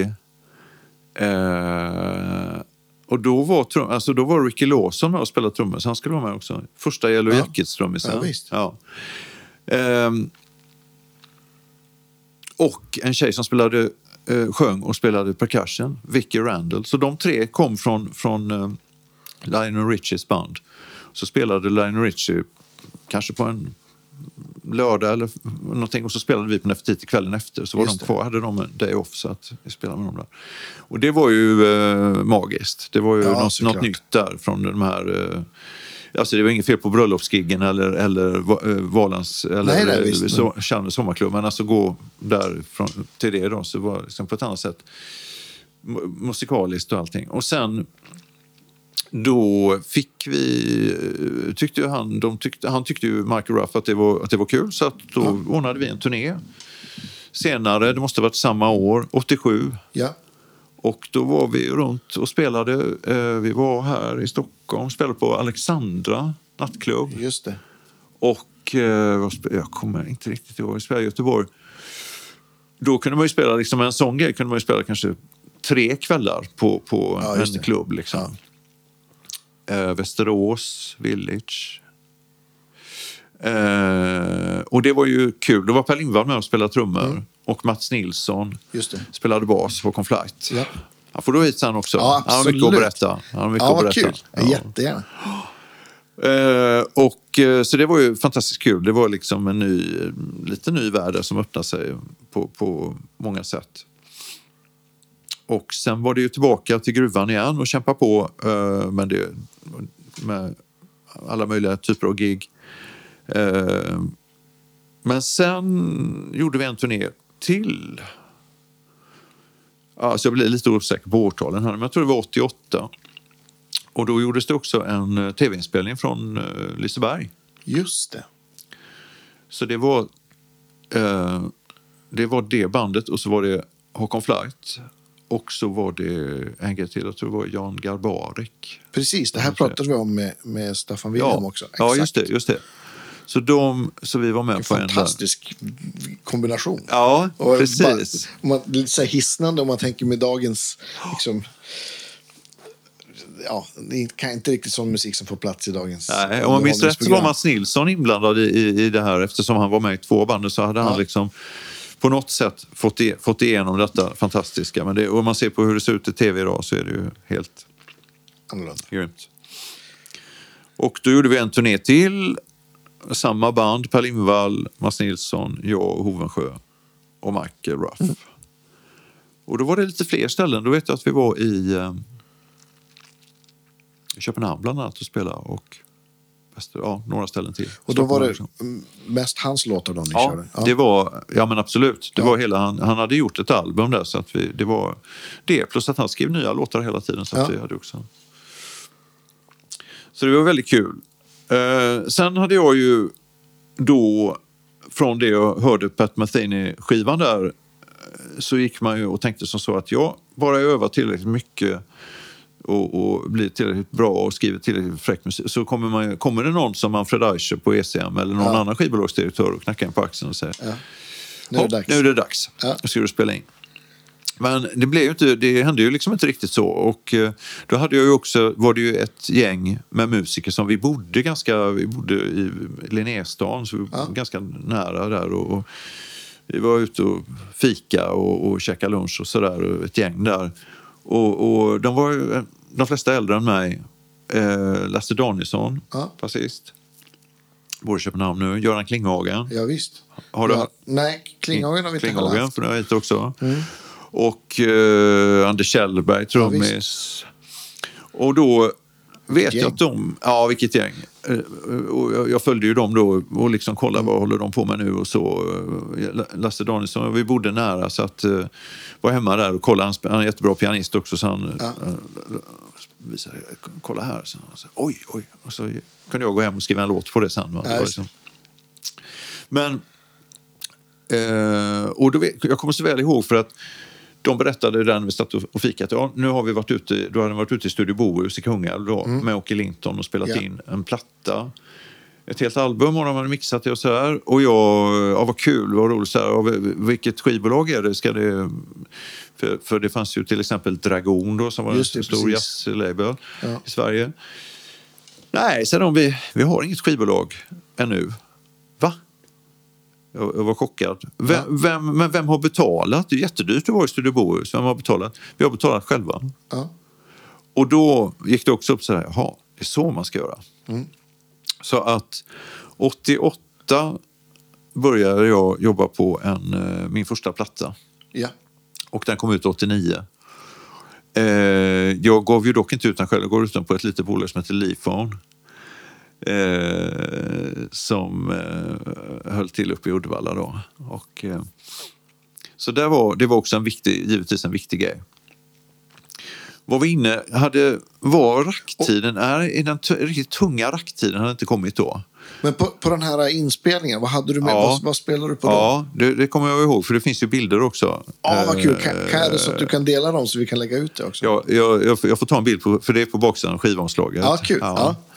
Eh, och då hade jag, jo, för jag hade varit i, i New York eh, en eller två gånger och då hade jag, där eh, var ju den ny, den här Casio eh, syntgitarren. MG 510 tror jag den hette. Just det. Och, eh, så den hade jag fått med mig hem och eh, så hade jag väl byggt om den så, för jag tyckte att det skulle sitta handbacker, single coil handbacker på så den var ombyggd. Så den hade jag där, den hade jag också när vi spelade med Michael Ruff och eh, på den, den skivan. Ja. Med Mesa Boogie-stärkare. Ja. Eh, Mark någonting, Ja, eller? fasen. Vad kan det ha varit? Det var inte den, eh, Mark 4 kanske? Eller? Ja. Jag kommer inte riktigt ihåg. Eh, och så lite akustiska gitarrer. Alhambra var ett sånt märke som vi. Mm. sålde där på, på gitarren då. Så att de hade ju, det har jag faktiskt också kvar, en Alhambra-gitarr som jag, är från 1981 eller något sånt där. Och jag har flera andra sådana också. Men, men eh, det var nog det jag använde när jag spelade in där. Eh, och så blev det ju, ja på den tiden så blev det liksom lite uppmärksamhet och man gav ut en platta. Så det skrevs, det fanns papperstidningar som det skrevs Ja, lite grann i och det var liksom spelades lite på radion och fixade lite gig och så här. Så det, det rullade igång där. Och så, så sen dess har jag väl haft under alla år haft någon form av egen, egen grupp så att säga, som Mm. Ja, jag. Mm. har jobbat med. Det har olika musiker som har, har passerat. Men, eh, och det har jag nu, nu också. Då, Ja, kul. kommer vi fram till. Om vi, om vi kommer, hinner komma fram till det. Ja, för tusan. Se när tåget går. Ja, just det, just det. Nej, men jag, jag brukar säga att det är lite grann som att... Om man, vill du ha mer kaffe förresten? Ja, men, jag kan, ja, men ta lite varmt då. Du, Det, det, är, det är lite grann som att öppna Pandoras box och man börjar skriva och, skriva egen, och spela egen musik. Det är svårt att sluta. Ja. Tack, tack. Det blir jättebra. Få lite varmt här. Vad är vi framme vid nu? 89? Ja, just det. 90 där, ja. Det låter som att det blåser upp till rack. Ja, det är på väg där. Och då... Eh, för då var det så att vi, eh, vi, vi gifte oss och skulle också ha barn och så skulle vi flytta. Och med ganska väldigt bra timing så får jag ett eh, jobb på, på en krogshow Ja, med Janne Loffe Karlsson och storband på Trädgården i Göteborg. ja. Så där spelade jag från hösten 89 fram till våren 90. ja. Eh, och sen var det en ny säsong året efter med Siw Malmkvist. Så det var, då var det liksom ett stadigt gig. Det var ju Just det. fantastiskt. Det hade jag inte haft innan. Nej, visst. Den typen i alla fall. Det var också viktigt. Och började också i någon slags, eh, få lite mer erfarenhet av storbandsspelande eh, spelande då, som man inte hade innan också. Eh, men visst, det, det, ja, ja, ja, nu kommer en story här. Eh, jag hade den vita eh, Casio Stratan Ja. i storband. Ja. Det var ju så. Alltså Ja. 80-talet, det, det var... Jag hade ingen jazzgitarr. Alltså det fanns ingen som... Hade någon Ibanez, så här FA100, eller de ännu tidigare där. Jag kommer inte ihåg vad de heter nu. Eh, ja jag har dålig koll på dem också. 70-talsmodell som var en E E75-kopia. Just det. Men sen hade jag den här vita och då, eh, då vickade en gitarrist med, och det var han som jag nämnde innan, Olle Junholm, Ja. var min vikarie. Han hade en röd 335.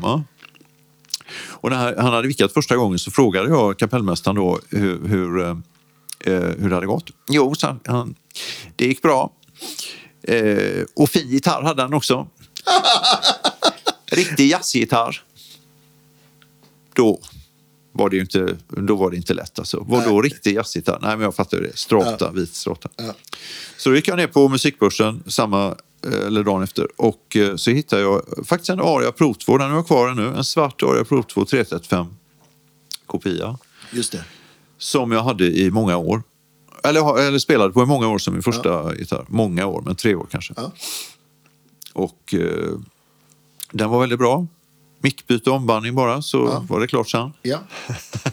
det var inget fel på mickarna från början, men, eh, men du vet hur det var. Ja. Det skulle göras. Jajamän. Och så sen kom väl då racket in där. Då var det ju det här. Och då var det min kompis där, Olle Junholm, han var lite före hela tiden. Så han, han, var, han var väl den första som hade tio, ett 10 rack. Han drog ner dig i fördärvet. Ja, lite grann. Eller upp. Och, och sen så skulle han, då skulle han ju ha ett ännu större. Ja. Så att han skulle byta. Så då, då, liksom, ja, men då köpte jag hans rack. Och då hade jag spetsat, spetsat in mig på Mesa Boogie. Så hade jag Mesa Boogie Studio 22 heter den va? Eller Studio Preamp heter Ja, den bara. Studio tror. Preamp, ja, precis. Studio Preamp. Och så ett eh, tillhörande slutsteg också. Det hade väl då också då, tror jag? Kanske, ja. Eh, Va? Rätta mig om jag har fel, ni som Nej, det kommer inte jag ihåg, men Nej. Lukat var givetvis, det var ju de bilderna man såg där Ja, i, i eh, Guitar Player och så. Men eh, vad Lukat hade var ju den här 2290, så det måste man ju ha också. Så då hade jag ett sånt. Såklart. Och så kommer jag ihåg en Rock... 2219 är ju Ja, fantastisk. ja, men det är den. Ja. Den är grym. Eh, och så kanske det var några pedaler som man kopplade in där också, minns jag inte riktigt, men det kunde man göra. Och så ett sånt här, och så, jo, Bob Bradshaw-system skulle det också. Ja, just det. Loop switch det och också. liksom. Eh, med midi då, som man kunde Mm. byta där och, och byta kanal på Mesa Boogien då. Just det. Vi, på något sätt. Magi. Eh, Rocktron, Just det. Intellifex. Precis. Jättebra reverb. Alltså det var, och det var också så, för det... Jag har ett sånt. Jag har har ett sånt som jag har kommit över på senare år.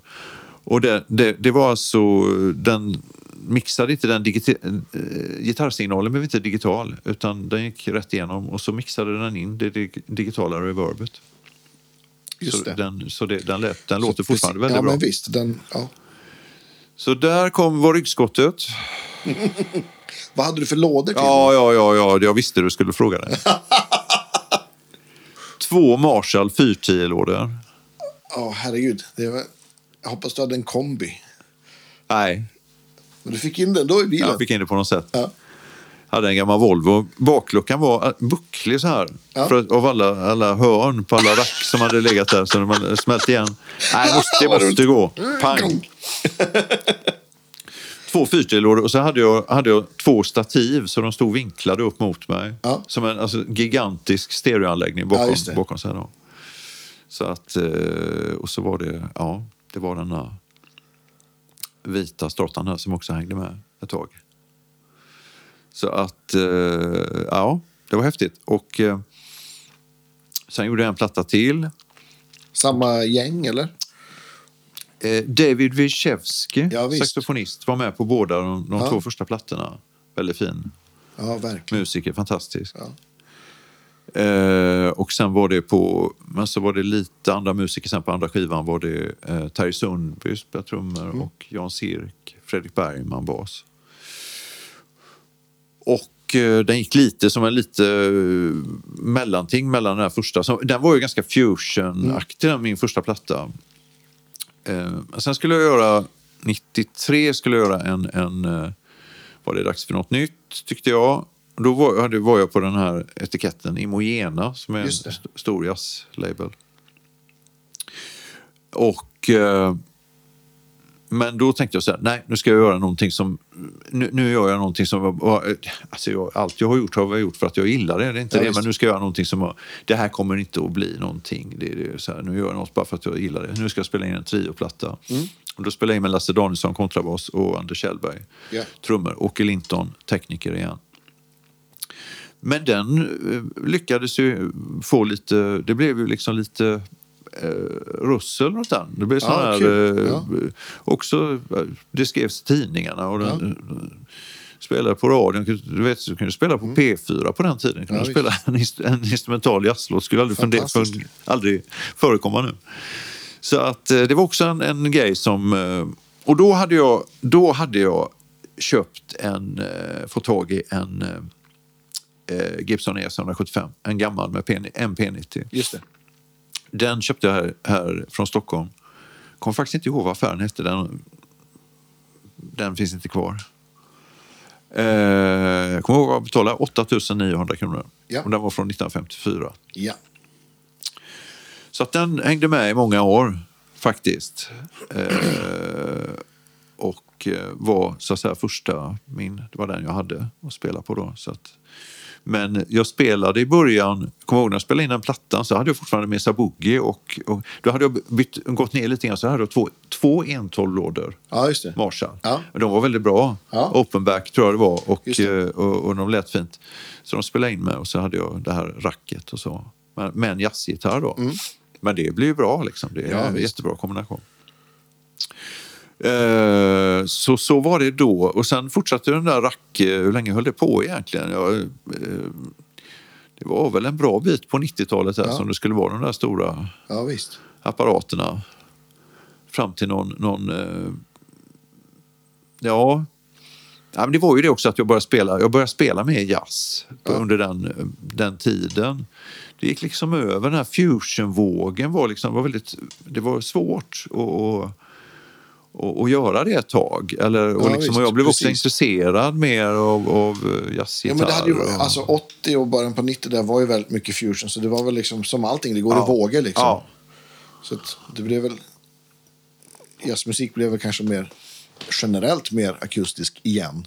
ja, Den tiden kanske. Ja, men jag tror det var någonting där också internationellt. Alltså, Wynton Marsalis, det. var, var en viktig, han kom fram där och spelade liksom, kunde spela hela traditionen på något sätt. Ja, Nästan från, från. New Orleans jazz fram till Exakt. freeform. Ja, och det var, det var, så det var liksom en, en ny, ett annat sätt. Innan hade det varit så, så här, nej, nu, du får, nu ska man bara spela det eller det. Liksom. Ja, just det. Eh, Så att, men, men det blev väl eh, mera...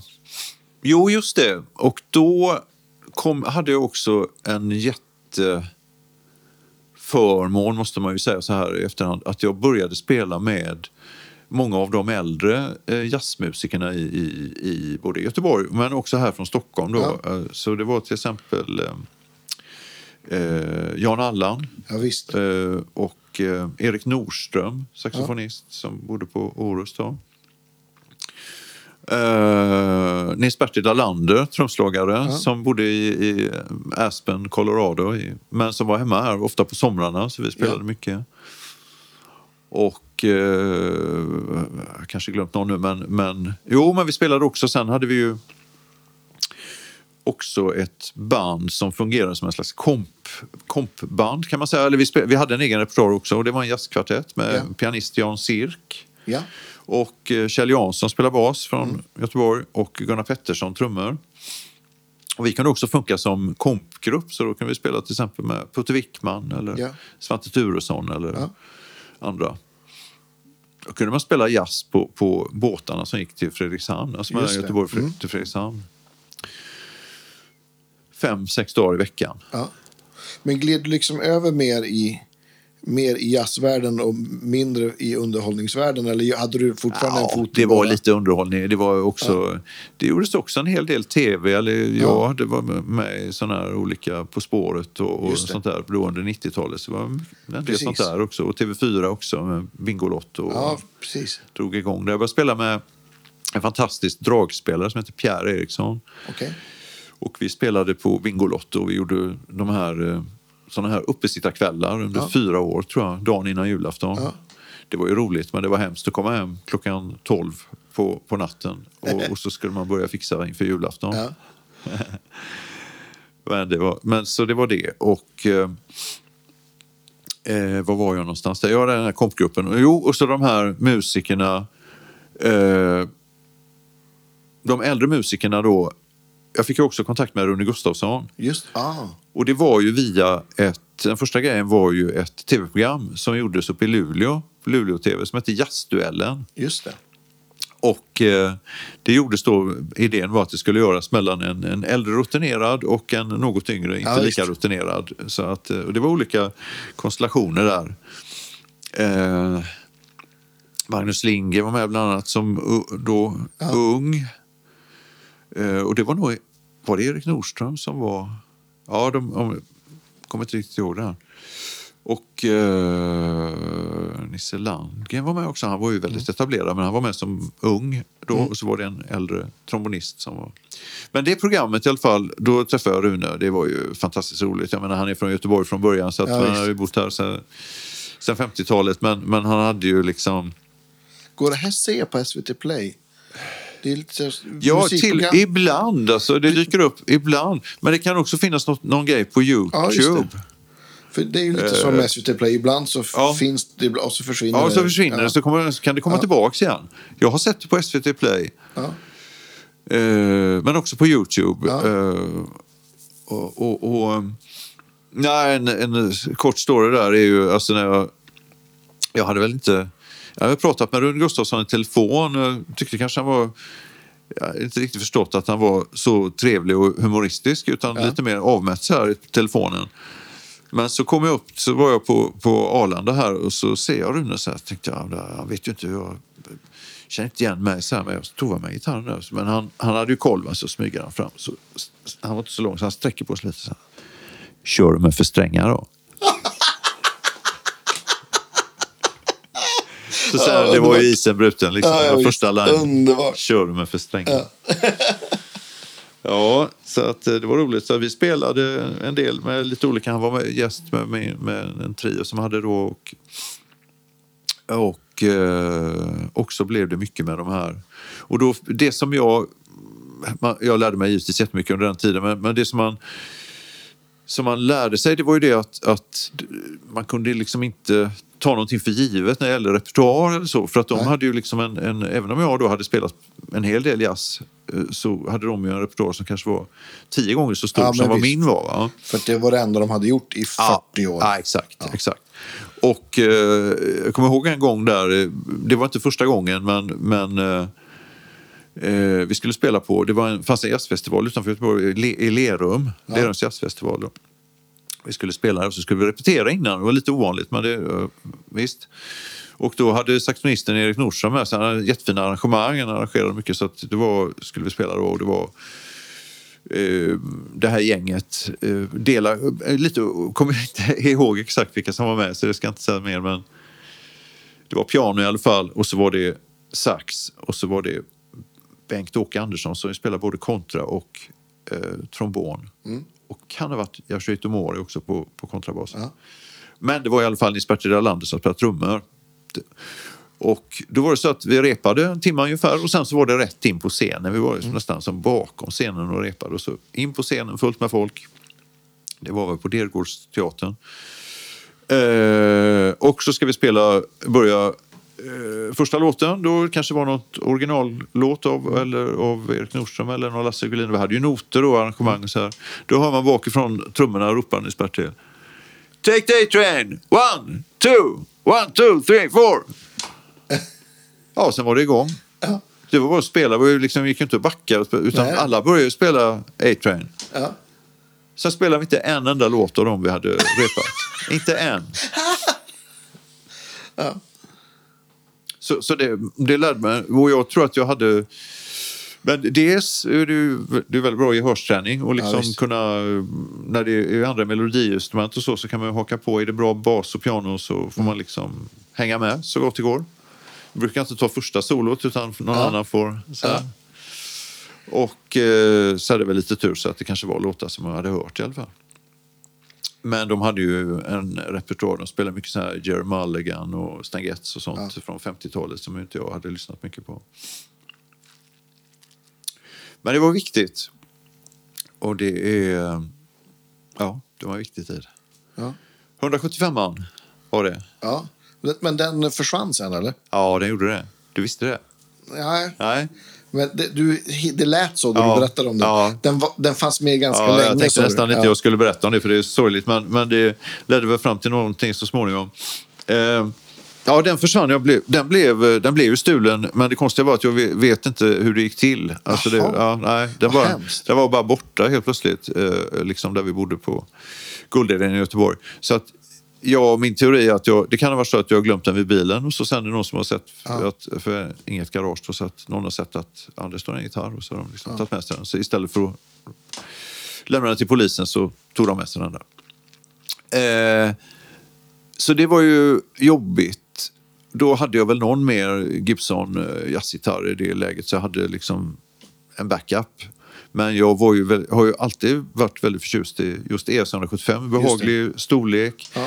Men jag gillar mensuren. Ja. Eh, Den, 175 en bra 175 är väldigt jämn över hela. Jag vet Joe Pass sa det också. Det är liksom, alltså, du får, den är som ärlig. Det som du kommer in, det kommer ut. Liksom. Det blir inte så att det, det är någon ton som sticker iväg. En L5 kan vara L7 större jazzgitarrer kan vara lite luriga. De kan vara, Mm. ha lite mer, en liten annan... Ja, svara på ett annat sätt helt enkelt. Även om det funkar bra med sådana ibland också. Vad, kör du för, vad, vad är strängarna till en 175 då? Ja, det är en story för sig. Alltså, för att då var det ju så här, Pat Martino då, han körde Ja, ju från 018 till Ja. 0, 078. Nej, det är väl Ja, inte så. typ. Ja, men, Ja. Alltså, så, 14 så, tror jag Ja, hört. 14. Ja. Ja. precis. Så då skulle man ju testa det. Så att, eh, och det där har jag testat redan på den där, min första Les Paul. Ja. Jag satte på 014 till 058 tror jag det var. De hette, det var Gibson Flatwounds Hi-Fi. Just det. Wes, det sades att Wes Montgomery körde på dem. Ja. Bjong sa det på Les Paulen på då när jag var Såklart. 15 år. Så var det liksom en sån två centimeter strängare i Ja. toftebandet. Så att, eh, men, men eh, jag provade dem igen och hade dem på, eh, på den här 175an. Och jag gillar ju det soundet eh, jättemycket. De var, de var, det var ju flatwound men de var ändå liksom eh, hade en diskant på något sätt. Så, man kunde, så det var inte det här, man kunde få fram det. Eh, det var bara det att de, de gjordes inte längre. De, var, de fanns inte kvar i sortimentet. Okej. Nej. Så att, men då lyckades jag köpa, upp, köpa från, från Muskantor och från Musikbörsen alla som fanns kvar. 120 set, tror jag. Eller något sånt där. Ja. Eh, så de körde jag på eh, i, i flera år, eller många år. Ja. Men de tog ju slut till slut de också. Så att det, det, det liksom, jag har inga, inga kvar. Och det var, alla var inte riktigt bra. En del hade legat i plastpåsar som var inte så bra. ja, just det. Eh, för de var ju liksom nos. jag Precis. De var nos. Nossträngar. Ja. Ja. Eh, så att sen, sen har det faktiskt sen har det varit mycket, mycket D'Addario. Chromes. Chromes och, och eh, vanliga eh, round och nylon. Och, eh, På, på elgitarr, vad, vad kör du för strängar då? ja, det, det är D'Addario också. Ja. Oftast. Tjocklek? Oh, det får, vi, det får vi gå på varje gitarr då. För Ja. varje gitarr har sin tjocklek. Ja, så visst. att, eh, eh, alltså, eh, jag har kvar den där Casio-telen, eller Casio-stratan, men den spelar jag inte på. Men jag, jag, har, spelat mycket, jag har spelat mycket på, på en Telecaster som jag har. Ingen som är, är byggd av min kompis Jerzy Gretzelik som var Strängjungen Ja, Okej. i Göteborg. Som hjälper mig med alla ombandningar och allting också. Fantastisk eh, kille. Som, eh, han har byggt den. Också handbacker, single coil handbacker såklart. Och eh, vad var det med den? Jo, alltså en Tele 011. Ja. eh, samma, eller 011 5. Den mittemellan där. Ja, det. är, eh, och, eh, eller kanske 010 5 faktiskt. 010 Ja, 5, just det. 011. Ja, Eh, sen 335, 011 ja. och nu för tiden på jazzburkar är det 0, 012. ja. Och de är ju 012 till 52 de eh, som man kör nu om det är round. Jag brukar inte testa så mycket nu. Men jag, jag har ju gått, testat igenom allt. Alltså jag har testat alla märken Ja. som fanns då och massa olika tjocklekar och kombinationer. Men en sak som jag kör som, eh, som jag gillar och det gör jag på kanske inte på tele, men, men jag gör det på, på alla jazzgitarrer. Det är att jag sätter på en, en, en, ett snäpp tjockare sträng på etan. Aha, okej. så Och- du sätter en 13 då Ja, istället? precis. Och samma på, på eh, B-strängen, andra strängen. Okej. Så istället för 12-16 har jag 13-17. Ja. Och man kan till och med, det finns ju halva där, det finns 13-5 också. Så att man kan liksom, Ja. där kan man laborera lite grann. Och det är ju för att få ett, ett bra melodiljud helt enkelt. På de. Ja, ja, på de Ja, men tunna strängarna. precis. Tjockare strängar, lite mindre diskant, lite mer mellan. Ja, annan resonans. Ja, Peak helt enkelt. och också lite mer volym alltså Ja. i, i, Jo, eh, i massan där på något sätt. Så så är väl strängupplägget Ja. faktiskt. Så det, det har inte ändrat sig så mycket på senare år. Men eh, vad ska vi ta nu? Ja, herregud. Ja, men jag, jag är så nyfiken. Sen då rackeran tog slut, Ja. var, var landade du då? Kom Ja. du, var det komboförstärkare? Ja, men eller? då var det kombo. Då var det nog mycket åt polytonhållet ett tag. Ja, just det. Ja. Eh, Så det hade jag en liten 112 och eh, hade också en 15-tums Just det. eh, låda med en separat topp till. Den är ganska ovanlig. Det har jag aldrig har sett. faktiskt. Nej, de, jag hade faktiskt två stycken sådana toppar. Som, ehm, och eh, de funkar ju bra. Eller, de lät ju väldigt bra, men de, de, de är ju gamla så att säga, så de blir ju äldre. De är ju från 70-talet. Ja, Så att, visst. och den elektroniken den åldras inte alltid så, så bra utan det, det blev... Ja, dels var det där klassiken att det smällde alltid så när man skulle slå igång. De hade liksom ingen standby utan bara på så pang. Och Ja, man, var inte, redan någon som hade mickat upp det så kunde det bli världens effekt. Och sen gick de sönder, alltså också på olika sätt. Och jag vet den där, jag försökte använda reverbet i den där lilla 112 där. Nej, funkar ju aldrig. Alltså, du lagade fem gånger kanske. Det. Men, men jag hade, hade dem länge. Eh, och också sen lite rack effekter till. Den här faktiskt Intel-effekten. Ja, visst. Och, och eh, också en eh, fin, en bra preamp. Eh, TC eh, en enmoduls eh, parametrisk preamp. Heter den? 1140? Eller 11... 10? Dåligt. Ja, jag kommer inte Ja. ihåg vad den heter nu. Men den finns i stereo och mono, mono-variant. Så den och den här Intel-effekten ihop var en väldigt bra jazz-kombo där. Och liksom shapea tonen lite innan den kom till förstärkaren. Helt enkelt. Ja, men precis. Ja. precis. Och det gick att köra rätt in i slutsteg också. Ja. Det så med den preampen. Har du kvar den? Ja, den är Ja. kvar. Men den sitter i min lilla studio nu. Ja. Så den är sällan med. Eh, Men sen blir det ett farligt experimenterande för att hitta en bra, en, för att hitta någon jazzgitarr igen. Som jag, så Ja. där, där är det- är det många som passerade revy Ja. kan jag säga. Några finns kvar, men, eh, men det blir liksom på något sätt så är det nog ändå Gibson som är eh, liksom, Hemma. ja. Ja. Jerzy sa en rolig grej. Han, han, han, han, får- han, han sa, eh, jag bandade om en, en annan gitarr som inte var, var Gibson. Och så sa hur blev det? Så frågade jag. Jo, jo men det blev, det blev ganska bra, sa han. Men, eh, ja, det var en Levin för övrigt som jag Ah, bandade okej. om. Men Levin hälsar att det inte är en Gibson. Lite polsk humor där. Ja. Eh, så att, eh, ja, men så är det väl. Men jag gillar Ibanez också faktiskt. Ja. Ibanez eh, har jag flera stycken. Eh, en sjusträngar bland annat. Ibanez. Jaha, vad kul. Ja, Har du en, en bassträng Ja, då? extra bassträng på den. Perfekt för duo. Ja, precis.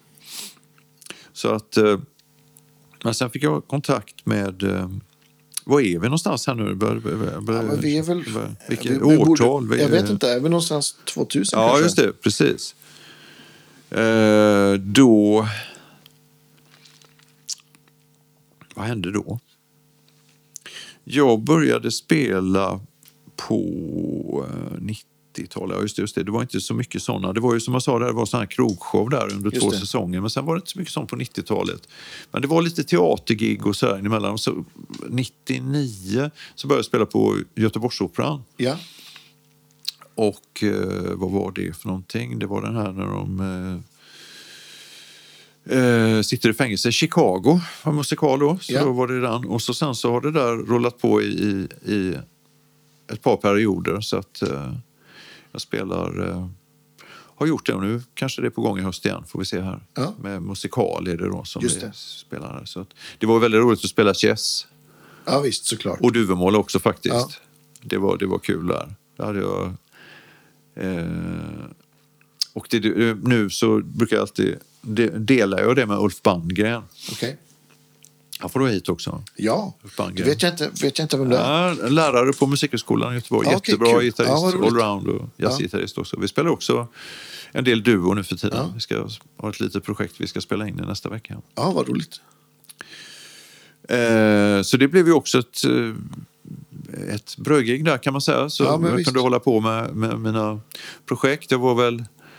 Eh, det är lite tradigt tycker jag att sitta på en föreställning. Så det är skönt att man är två för att göra ett helt sånt jobb. Det, det, Mm. visst. blir, det, det blir lite för mycket samma för mig. Så sen runt 2004 så började jag undervisa lite mer. Då jobbade jag i, Väst, eh, i, i Skövde Ja. i, i sex år. På, på Västerhöjds. Västerhöjdsgymnasiet. Det. Västerhöjdsgymnasiet det, som var estetiskt, Ja, ja, visst. estetiskt program. Så eh, ja, men det var en kul tid också. Var där tre dagar i veckan och pendlade Ja. upp då. Men spelade också samtidigt. Så. så var det tillbaka till musikal igen. Så har jag hållit på med mina projekt och med, Ja. med, med skivor och sådär. eh, Fi- lite- Hittar man alla dina skivor på... Många finns På- på, på Spotify. Ja, många finns på Spotify. Ja. Det är ju lite lurigt på Spotify för att man får liksom söka. Det beror på hur det är liksom utlagt. Ibland så står det på mitt namn.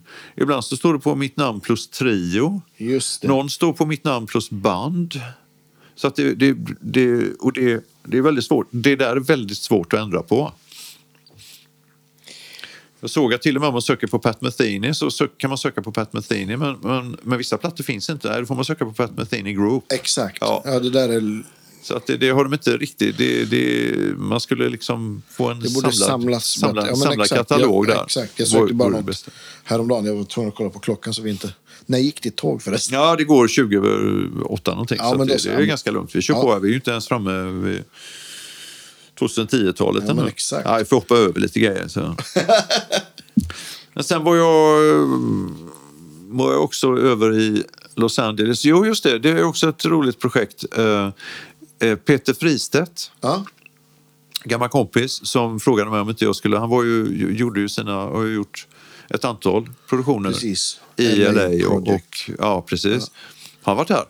Nej, Nej. Han, det är också... Ja, Ja, borde också. absolut. Och, han... eh, Så frågade jag, ska du inte hänga med så, så kan vi spela in någonting? Ja, jag var lite skeptisk först, men sen så till slut bestämde jag mig. Så det var väl 2006.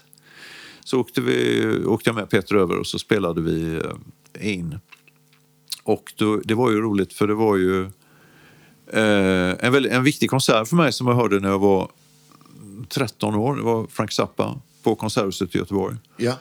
Och det var liksom en, också en länk över till jazzen då, om Ja. man går tillbaka till den tiden. Ja, För det var ju visst. musiker med som också var, var liksom aktiva. Jean-Luc Ponty spelade Visst.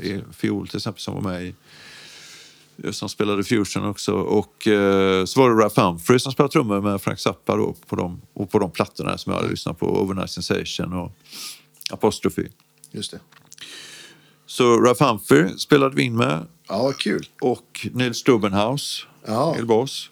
Legend. Och, och Bill Cantos eh, keyboard och sång sjunger på Mm.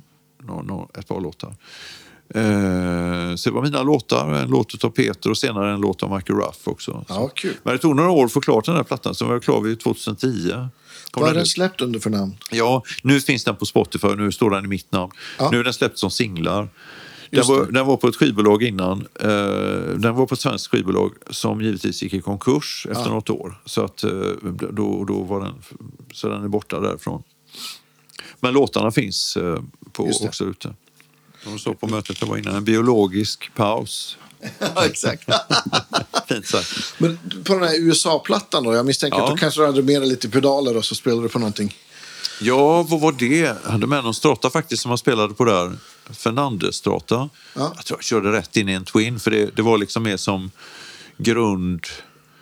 Fast den använde nog en del av det mest för kompgrejer. Ja. Så att, men vad hade jag sen när jag spelade in här? Hmm. Men är det också lite mer fusion-hållet då? precis. Ja. Det var tillbaka till den, lite som den första där. Soft Ja. Landing, min allra första platta. Eh, men sen spelar jag ju in eh, ganska mycket gitarr här i Sverige. Jag var i och för sig över två gånger till och, och spelade in också och, och jobbade där. Men det mesta gitarrerna är nog inspelad här ändå. Och eh, då spelar jag jazzburk. Alltså jag Ja. spelar på min, jag har en L5 som jag med sån här Johnny Smith-mick på. Just som det. jag eh, spelar in på. Och, och, nej, det kunde jag göra, gjorde jag själv i Ja. min, min studio. Där. Vad har du för, hur, hur spelar du in gitarrer hemma? Ja, det är ju Eller- intressant. Ja. Eh, jag vet att jag hjälpte Peter, med en del, Peter Fristedt med en del grejer då. Mm. Då sa- satte vi alltså en rörkombo som också eh, min kompis Jerzy har byggt. Okej. Fantastisk förstärkare. Den satte vi i en garderob hemma i Ja. lägenheten. Ja. Och så satt vi i ett rum en bit ifrån och så hade vi SM57 där och, Ja. så, och så gitarrsladden in. Och spelade starkt alltså, Ja. som tusan. Men det var aldrig någon som sa något. Det var ganska roligt. Bra. Men nu har jag en, en liten eh, studio i det som heter Kulturföreningen Bunkern på Okej. Victoriagatan i Göteborg.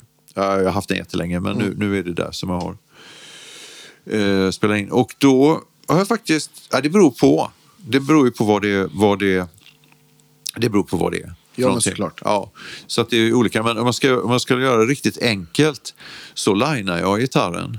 Och så har jag en, en liten kondensatormick framför eh, F-hålet på, på jazzgitarren. Och så är det that's it. Ja. Och så kör jag med lite, eh, vad heter det, alltså eh, förstärkare i, i pluggar i, i det programmet jag använder då. Ofta, Oftast Logic men, men eh, Vad har, vad har du för, om man tänker jazzgitarr, vad har du för favoritplugg liksom för en ren?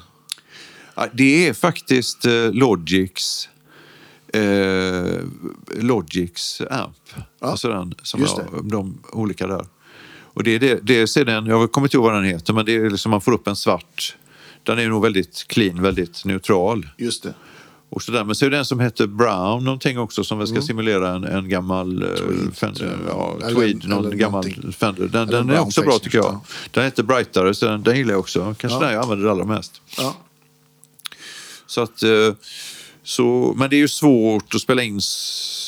Eller nej, det, så är det inte. Det, det är ju faktiskt ganska enkelt att spela in så. Men det är svårare att spela in, i, för jag har bara ett rum som jag spelar in i. Ja, så visst. ska jag spela in, men jag kan spela in trummor och bas och sådär. Men då är det svårare att micka en starkare. Det blir för, lite för Såklart. mycket läck.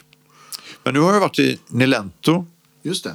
och spelat in. Och det, då hade jag ju möjlighet att micka upp Twinnen där. Det var ju kul alltså, att kunna göra det på riktigt där. Är det någon ny platta som är på Ja, gång då? eller? ja, en ny som ska release i september om det går Ja, som kul. det är tänkt. ja. Så Vad är det för sättning? Då är det eh, Lars Jansson Ja, som spelar piano. Och eh, som jag inte har spelat med så mycket innan men som jag har tänkt i 40 år att jag ska få göra någon gång. Så att det är Ja, väldigt det- roligt ja, att han, Lasse är med. Och så är det en basist som heter Olli Rantala som Okej. kommer från Vasa i Finland. Som bor i Göteborg just nu. Och trumslagaren heter Adam Ross. Är från Kalmar. Ja. Bor här i Stockholm. Eh, och det är ju åldersspann i det bandet. Lasse är väl 10 år äldre än mig, det vill säga 72 tror jag. Mm. Adam är 29. Så det, ja, men det är kul. ja, det är jätteroligt. Så att vi spelat in, vi har spelat in, vi spelar väl in en 11-12 låtar och det blir 10 på, på det här albumet då. Så jag har skrivit åtta nu och eh, Lars Jansson har skrivit två. Så att, Kul. Och jag kan inte beskriva vad det är för stil. Men det är inte, det är inte fusion. Och det är, ja, man får, jag vet inte. Jag får, du får höra på det sen. Ja, vad får du- roligt. Det, ja, men det men vi det, det, det är ju instrumentalt och det Ja. är ju mina låtar. Jazz, kanske. Mm. På något sätt. Modernt. Det är ju ganska mycket latin-influenser också Okej. på en del av låtarna. Så att, men inte Ja, kul. Inte så mycket swing då. Utan några, några ja. swing fick vi med också. Fick vi ha. Så att, eh, det är två swinglåtar kan vi säga. Och, och lite olika Ja, kul. några Ja, det ballader. ser jag fram emot. Ja, ja. ja, det ska vi få höra. Så att, det ska komma eh, release i september. Där. Nu Släpper jag- du själv? då, Ja, eller? nu gör jag ju sen... eh, Det, mesta, alltså det jag gör helt själv, det gör jag på min egen label då, som heter Ja. Guitarland Records. Och det, det, det funkar väl ganska bra. Det, det är ju just själva skivförsäljningen det behöver vi inte gå in och diskutera för vi har bara någon halvtimme på Ja. här. Så att, eh, det, Nej, det, men precis. Ja, det är ju vad det är liksom. Men jag planerar ju vi- vinyl nu också då, Ja. så, så jag hoppas på det lite grann. Eh, det är som det är. Men eh, man också, måste också göra det för att det ska bli liksom, för att det ska komma vidare. Man kan ju repa och repa med ett band och Mm. sen sätta gig och så och ha någon enklare inspelning. Men det här blir liksom som ett slags visitkort. Ja, men precis. Och så har det egentligen varit i 20 år. Ja. Innan var det, ju- kunde man faktiskt göra en platta och få det att, att gå runt. Det går ju inte nu. Och det, alltså inte för mig, inte den här Nej, musiken. nej, det, det- nej, det, visst, det, går det- väl för någon, hoppas jag det går för mig. Ja. Så att, nej, nu är jag tillbaka. Nu spelar jag, jag hittar ju en ES 175 till slut. Jag hittar till och med två. Okej. Så att jag har en från 54 nu igen. Men den jag spelar mest på är från 1960. Ja. Vad är det som, va, va, varför blir den, har den blivit nummer ett? Ja, ja den, är så, den är väldigt skön att spela på. Ja. Och den är, den är också väldigt jämn. Och det, är, det sitter inte puff på utan det är alltså några andra Gibson-mickar, lite Okej. nyare. Men den är så otroligt jämn och svarar alltid eh, väldigt bra i, i, eh, i, i alla registers. Stämmer bra, det, det gör de flesta gitarrer. Stämmer bra. Eller stämmer, de stämmer som de stämmer rättare sagt. Men, nej, men den, den levererar liksom. Jag spelade på Benedetto ett tag. Okej. Eh, jättefin, jättefina visst. gitarrer. Jag hade en Benedetto Bravo. De är ju, den är ju jättefin också. Ja, Men- jag bara vet att det är fina gitarrer. Ja, nej de finns inte, de är ovanliga här. Ja. Men, men eh, på något sätt, Gibson, ja det är någonting där. Gibson Mm. och Fender-förstärkare. Ja. Tillbaka till... Ja, tillbaka till, visst, Ja. det är det första. Det har gått ett varv runt här nu, Ja. 50, ja, många år sedan.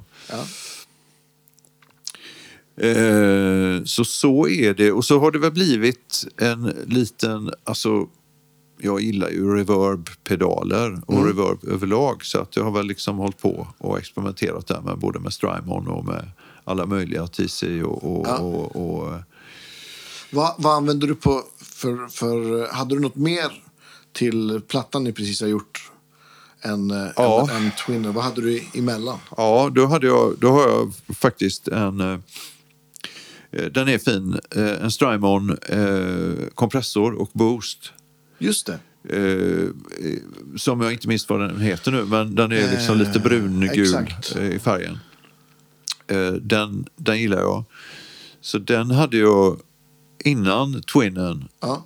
Och sen hade jag en separat kedja med så att jag hade mina... För- för reverb? Ja, mod- Ah, nej, okej. rever, reverbet fick de ta hand om i studion. Jag, hade, ja, jag kanske hade lite Hall of Fame på, men, men det var inte det viktiga. Utan det viktiga var att jag hade med min eh, eh, POG 2. Ah, Electroharmonics. Ja, den, den är rolig. Så att Ja. den är med på ett par låtar. Ja, kul. Och så här oktav. ja visst. Lite rosenvinkelaktigt. Ja. Men eh, det, jag gillar det. Eh, så den gick in på en separat kanal. Mm. Så splittade signalen där också då.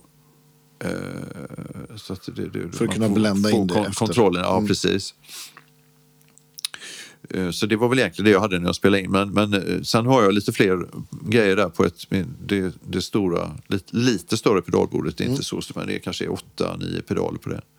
Så. Får du säga ordningen på pedalen här. Ja, okej då. Ja. Nej, men, jag har en, t- men det ändrar ju sig varje vecka. Vet du. Ja. Jag gör om det på söndag Men, kväll. men, i, men i dagsläget Ja, i då? dagsläget, I dagsläget så är det nog så... Jag får nästan ta upp en bild och titta. Alltså. Men nej, men det sitter först en stämapparat, det är ju Boss eh, TU2. Och just splitfunktionen där är, är, är väldigt... Den kan vara användbar när man till Ja, exempel visst. ska spela in så här. Eh, och sen så kommer den här, som jag sa, eh, Strymon eh, eh, kompressor och, och boost. Eh, vad, vad ligger sen efter det? Lite osäker på ordningen här, men, eh, för den ändrar sig ju som sagt. Ja. Så att den, den behöver inte vara. Men det, sen är det nog POG 2 Ja. och sen så har vi en, eh, en eh, eh, looppedal och det snackade vi om innan. Just så det det, är precis. väl någon av dem, men det kommer väl lite nytillskott Ja. här nu då. Va? Eh, och sen så kommer det ett eh, TC eh, delay, den här blåa eh, vanliga. Eh, alltså Flashback. Ja, precis, Ja. precis. Och sen kommer det ett eh, reverb som ibland ändrar sig, men just nu är det Hall of Fame Ja. reverbet. Jag tycker eh, de där TC-effekterna, de är, de är inte, det är inget som är sådär fantastiskt eller, eller sensationellt med dem, men de, de levererar det alltid live, så det funkar Ja, alltid. Med Hall of Fame tycker jag, den, den liksom gifter sig med gitarrljudet och, och, eh, och sådär. Jaha, ja, nu ska vi leka med det lite här. Hej! Kommer du med en leksak här? ben där. Ja, mysigt Joyce. Så att där, är väl, där är väl den stora. Sen har jag faktiskt också använt en, du pratade om Helix innan här. Ja. Och jag har en eh, Stomp. Ja. Eh, jag, är ingen, jag har haft jättemånga multi-effektpedaler såklart. Och jag är inte någon jättevän egentligen utav konceptet. För jag gillar att ändra, du vet. Ja. Precis som man improviserar så Ja, visst. ändra live. Eh, men eh, den tycker jag funkar väldigt bra. Och den har jag också haft för inspelning. Eh, och, och, om jag kommer någonstans där jag inte riktigt vet hur det, ska, hur det Precis. funkar och så, så är det väldigt bra med den. Den är sån där multitool. Ja. Fint reverb och, och också Verkligen. fina, bra, bra grejer. Mm. Jag glömde, glömde en pedal. Det är den här som heter Super Ego. Just Spectrum. Harmonix, Ja. Som har istället för Freeze, den gamla Just det, Freeze-pedalen. exakt. Men lite att, samma. Ja, lite samma princip är det. Sen har jag med där. Men i senaste uppdateringen tror jag på det på på POG, på, just det, på Stompen och på alla de Erik, så finns det en sån Jajamän. och, och den låter jättebra. Ja. Det soundet är Ja. härligt. Det är liksom, eh, Jag gillar verkligen det. Ja, Men det, det är faktiskt väldigt, väldigt användbart. Ja, Det, det, tycker jag, det tycker jag är ändå också en sak som är kul med, men med Helix. Att det kommer nya uppdateringar Ja. som är gratis. Med Ja, men fantastiska precis. nya Ja. reverb, delay, Ja. förstärkare, visst. loopers, bloopers, vad det nu än är. Det, det tycker jag är en sån fest. senaste Ja. eh, reverbet där var jättefint också. Ja, ja, visst, verkligen. Så att, eh, ja, det är kul. Men det är väl det. Sen spelar jag mycket akustiskt. Jag spelar mycket nylon. Ja, Så att jag spelar nylon på, på, tror jag på, blir det fyra låtar på, eller fem till och med, på nya plattan då. Och då har jag flera, jag har en, en fin klassisk modell som eh, en eh, man som jobbade där på gitarren på Skanstudiet, han har byggt den, han heter Juan Cornejo. okej. Han Ja, det är ju extra kul. Ja, det är väldigt, väldigt roligt. Ja.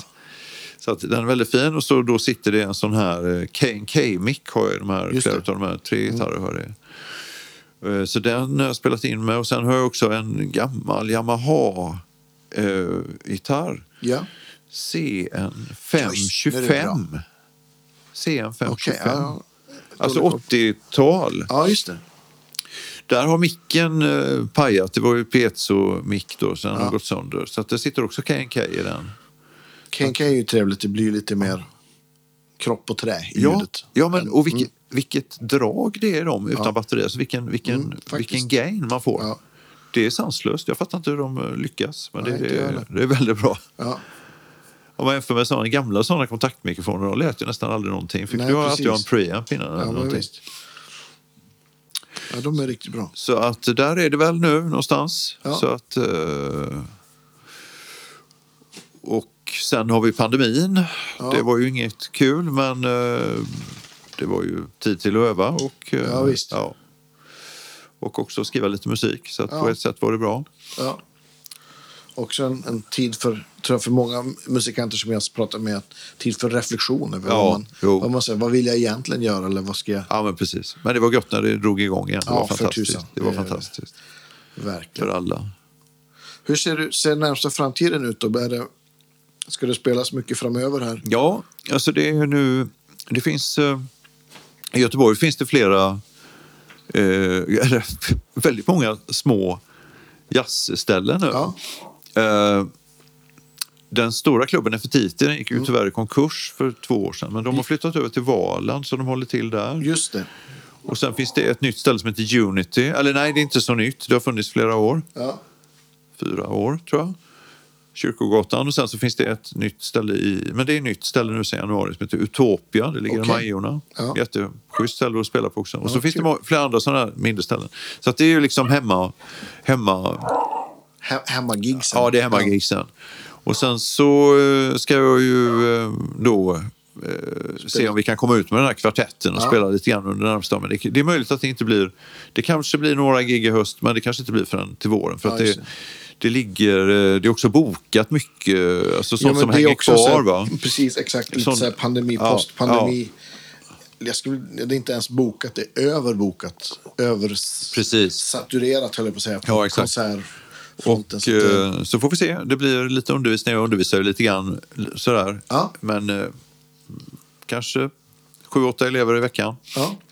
Privat eller? Ja, jag har privat i min studio där och, och eh, också eh, på Hvitfeldtska faktiskt har jag varit nu sen i höstas. Så att, eh, ja, men det är roligt. Jag gillar att undervisa också. Jag Ja, får, samma får, mycket, jag får mycket, också mycket inspiration, mycket idéer av mina elever. Så att det, Ja, det är faktiskt på... Det, det är liksom, nej, men jag, jag har alltid undervisat också. Ja, Jag har väl haft glapp i vissa år där det Ja, inte har blivit ja. någonting. Men Nej. Som jag också, ett gäng privatelever så där i veckan. Ja. tycker det är väldigt kul. ja, ja visst. Också, om man träffar liksom yng- yngre elever så får man liksom en annan input och lite, håller sig lite Visst. mer dagsfärsk också. Ja, men absolut, absolut. Och eh, nej, så jag är taggad. Jag berättade innan att nu är det en sån här eh, Fender Deluxe Just det. Ja, Tone Master perfekt. Som ska med ut nu så att man eh, får en. Jag har haft många andra. Det finns många bra små jazzförstärkare. Henriksen, Precis. eh, Lundgard, dansk Ja, det, Jesper. Lundgard som bygger jättefina förstärkare. Men, men eh, det är någonting med när det, dels när det är stängt, stängt där bak. Så, så, Mm. här, så jag, vill ha, jag vill ha open back och också att man får upp så det blir lite större högtalare. Precis. Det, det, är- det är någonting med det där. Ja, den, Jag tror också att är man van att spela kombos med, med alltså open back, det, det, är ju, det blir någon typ av mer 3D om man står nära förstärkaren än om men man har en precis. stängd. Ja, men precis. lås. Det är liksom en annan. Så det, Det, det, det, är möjligt, det, det är nog ingen skillnad alltså, ute i ett PA eller så, om man mickar. nej, det tror jag inte. Nej. Eller ingen större i alla fall. Nej, ingen men- större skillnad. Utan det är mer upplevelsen på, Precis. på, på scen eller, eller i studion. Och det är det man vill är ute efter, så att säga. Ja. Funderar på om vi ska faktiskt börja runda av så Ja. att du inte missar ditt tåg. Nej, nej. Annars kan vi- ju runda på. Kan jag ta ett senare tåg? Nej, det kan jag inte, för det går, det går inget senare. Nej. Då är det nattåget över Ja, det, Nässjö. det är kärvt. Ja, det blir lite kärvt läge faktiskt. Nej, så nästa helg kommer Max Schultz ner. Ska vi spela på, då är det på Unity. Ja, vad kul. På duo eller med... Ja, det är med Mats ja. Nilsson bas Ja. och eh, Magnus Gran trummor. ja, vad kul. Ja. Så, att, eh, så det är lite sådana där Ja, hela tiden. Och så är det jazzfestival i Köpenhamn. Och, Ja. Jaha du. Kommer Joyce och flörtar. Ja, det vill, vill du göra Ja, den men, och vi, får ju faktiskt också göra en shout-out till Max som, som styrde upp det här. Ja, men precis. Ja. Det var ju fantastiskt. Ja, det, stort eh, tack Max. Ja, absolut. Tack. Det, det tog ju typ tio minuter. Så ja, liksom. ja visst. Men du, i och med att du har lyssnat en del så vi har ju den här frågan som vi ställer alla våra gäster här. ja. Huset brinner och, och familjemedlemmar, eventuella djur och allting är ute. Du får med dig en gitarr. ja. Vad är det för något? Ja, men det får väl vara den här 175 då från 1960. Det tror jag. Men, men det är också, ja. Eh, jo, men det är det ju. För då, då vet jag att jag, jag kan ta nästa gig, så att säga. Ja. Det är vissa, som till exempel den som Juan har byggt, det är ju hemskt tråkigt. Och en blond L5 också. Ja, nej, nu börjar jag liksom... För vissa går ju liksom inte att få tag i. Alltså, Nej, visst. Men, En sån men samtidigt är det vissa saker man kanske använder mer än annat också. ja, precis. precis. Nej, men det blir nog den då. Jag Ja, jag förstår det. Ja, ja, precis. Ja, Stort kul. tack för idag. Jättekul att ha det här. Jätteroligt. Tackar. Jag ser fram emot nya plattan och Ja. eh, vi ska självklart dela massa gamla plattor och YouTube-länkar och allt Ja, vad kul. från- Ja, ja visst, från- visst. Så får vi se om det här avsnittet kommer kanske till och med imorgon eller nästa Och torsdag. Vi får se. Ja, ja. Jag ska ja, konferera med Danne. Ja, ja, ja. Men återigen, stort tack för idag Ja. och eh, vi hörs nästa vecka hörni. Hej då! Hej då. It's alright.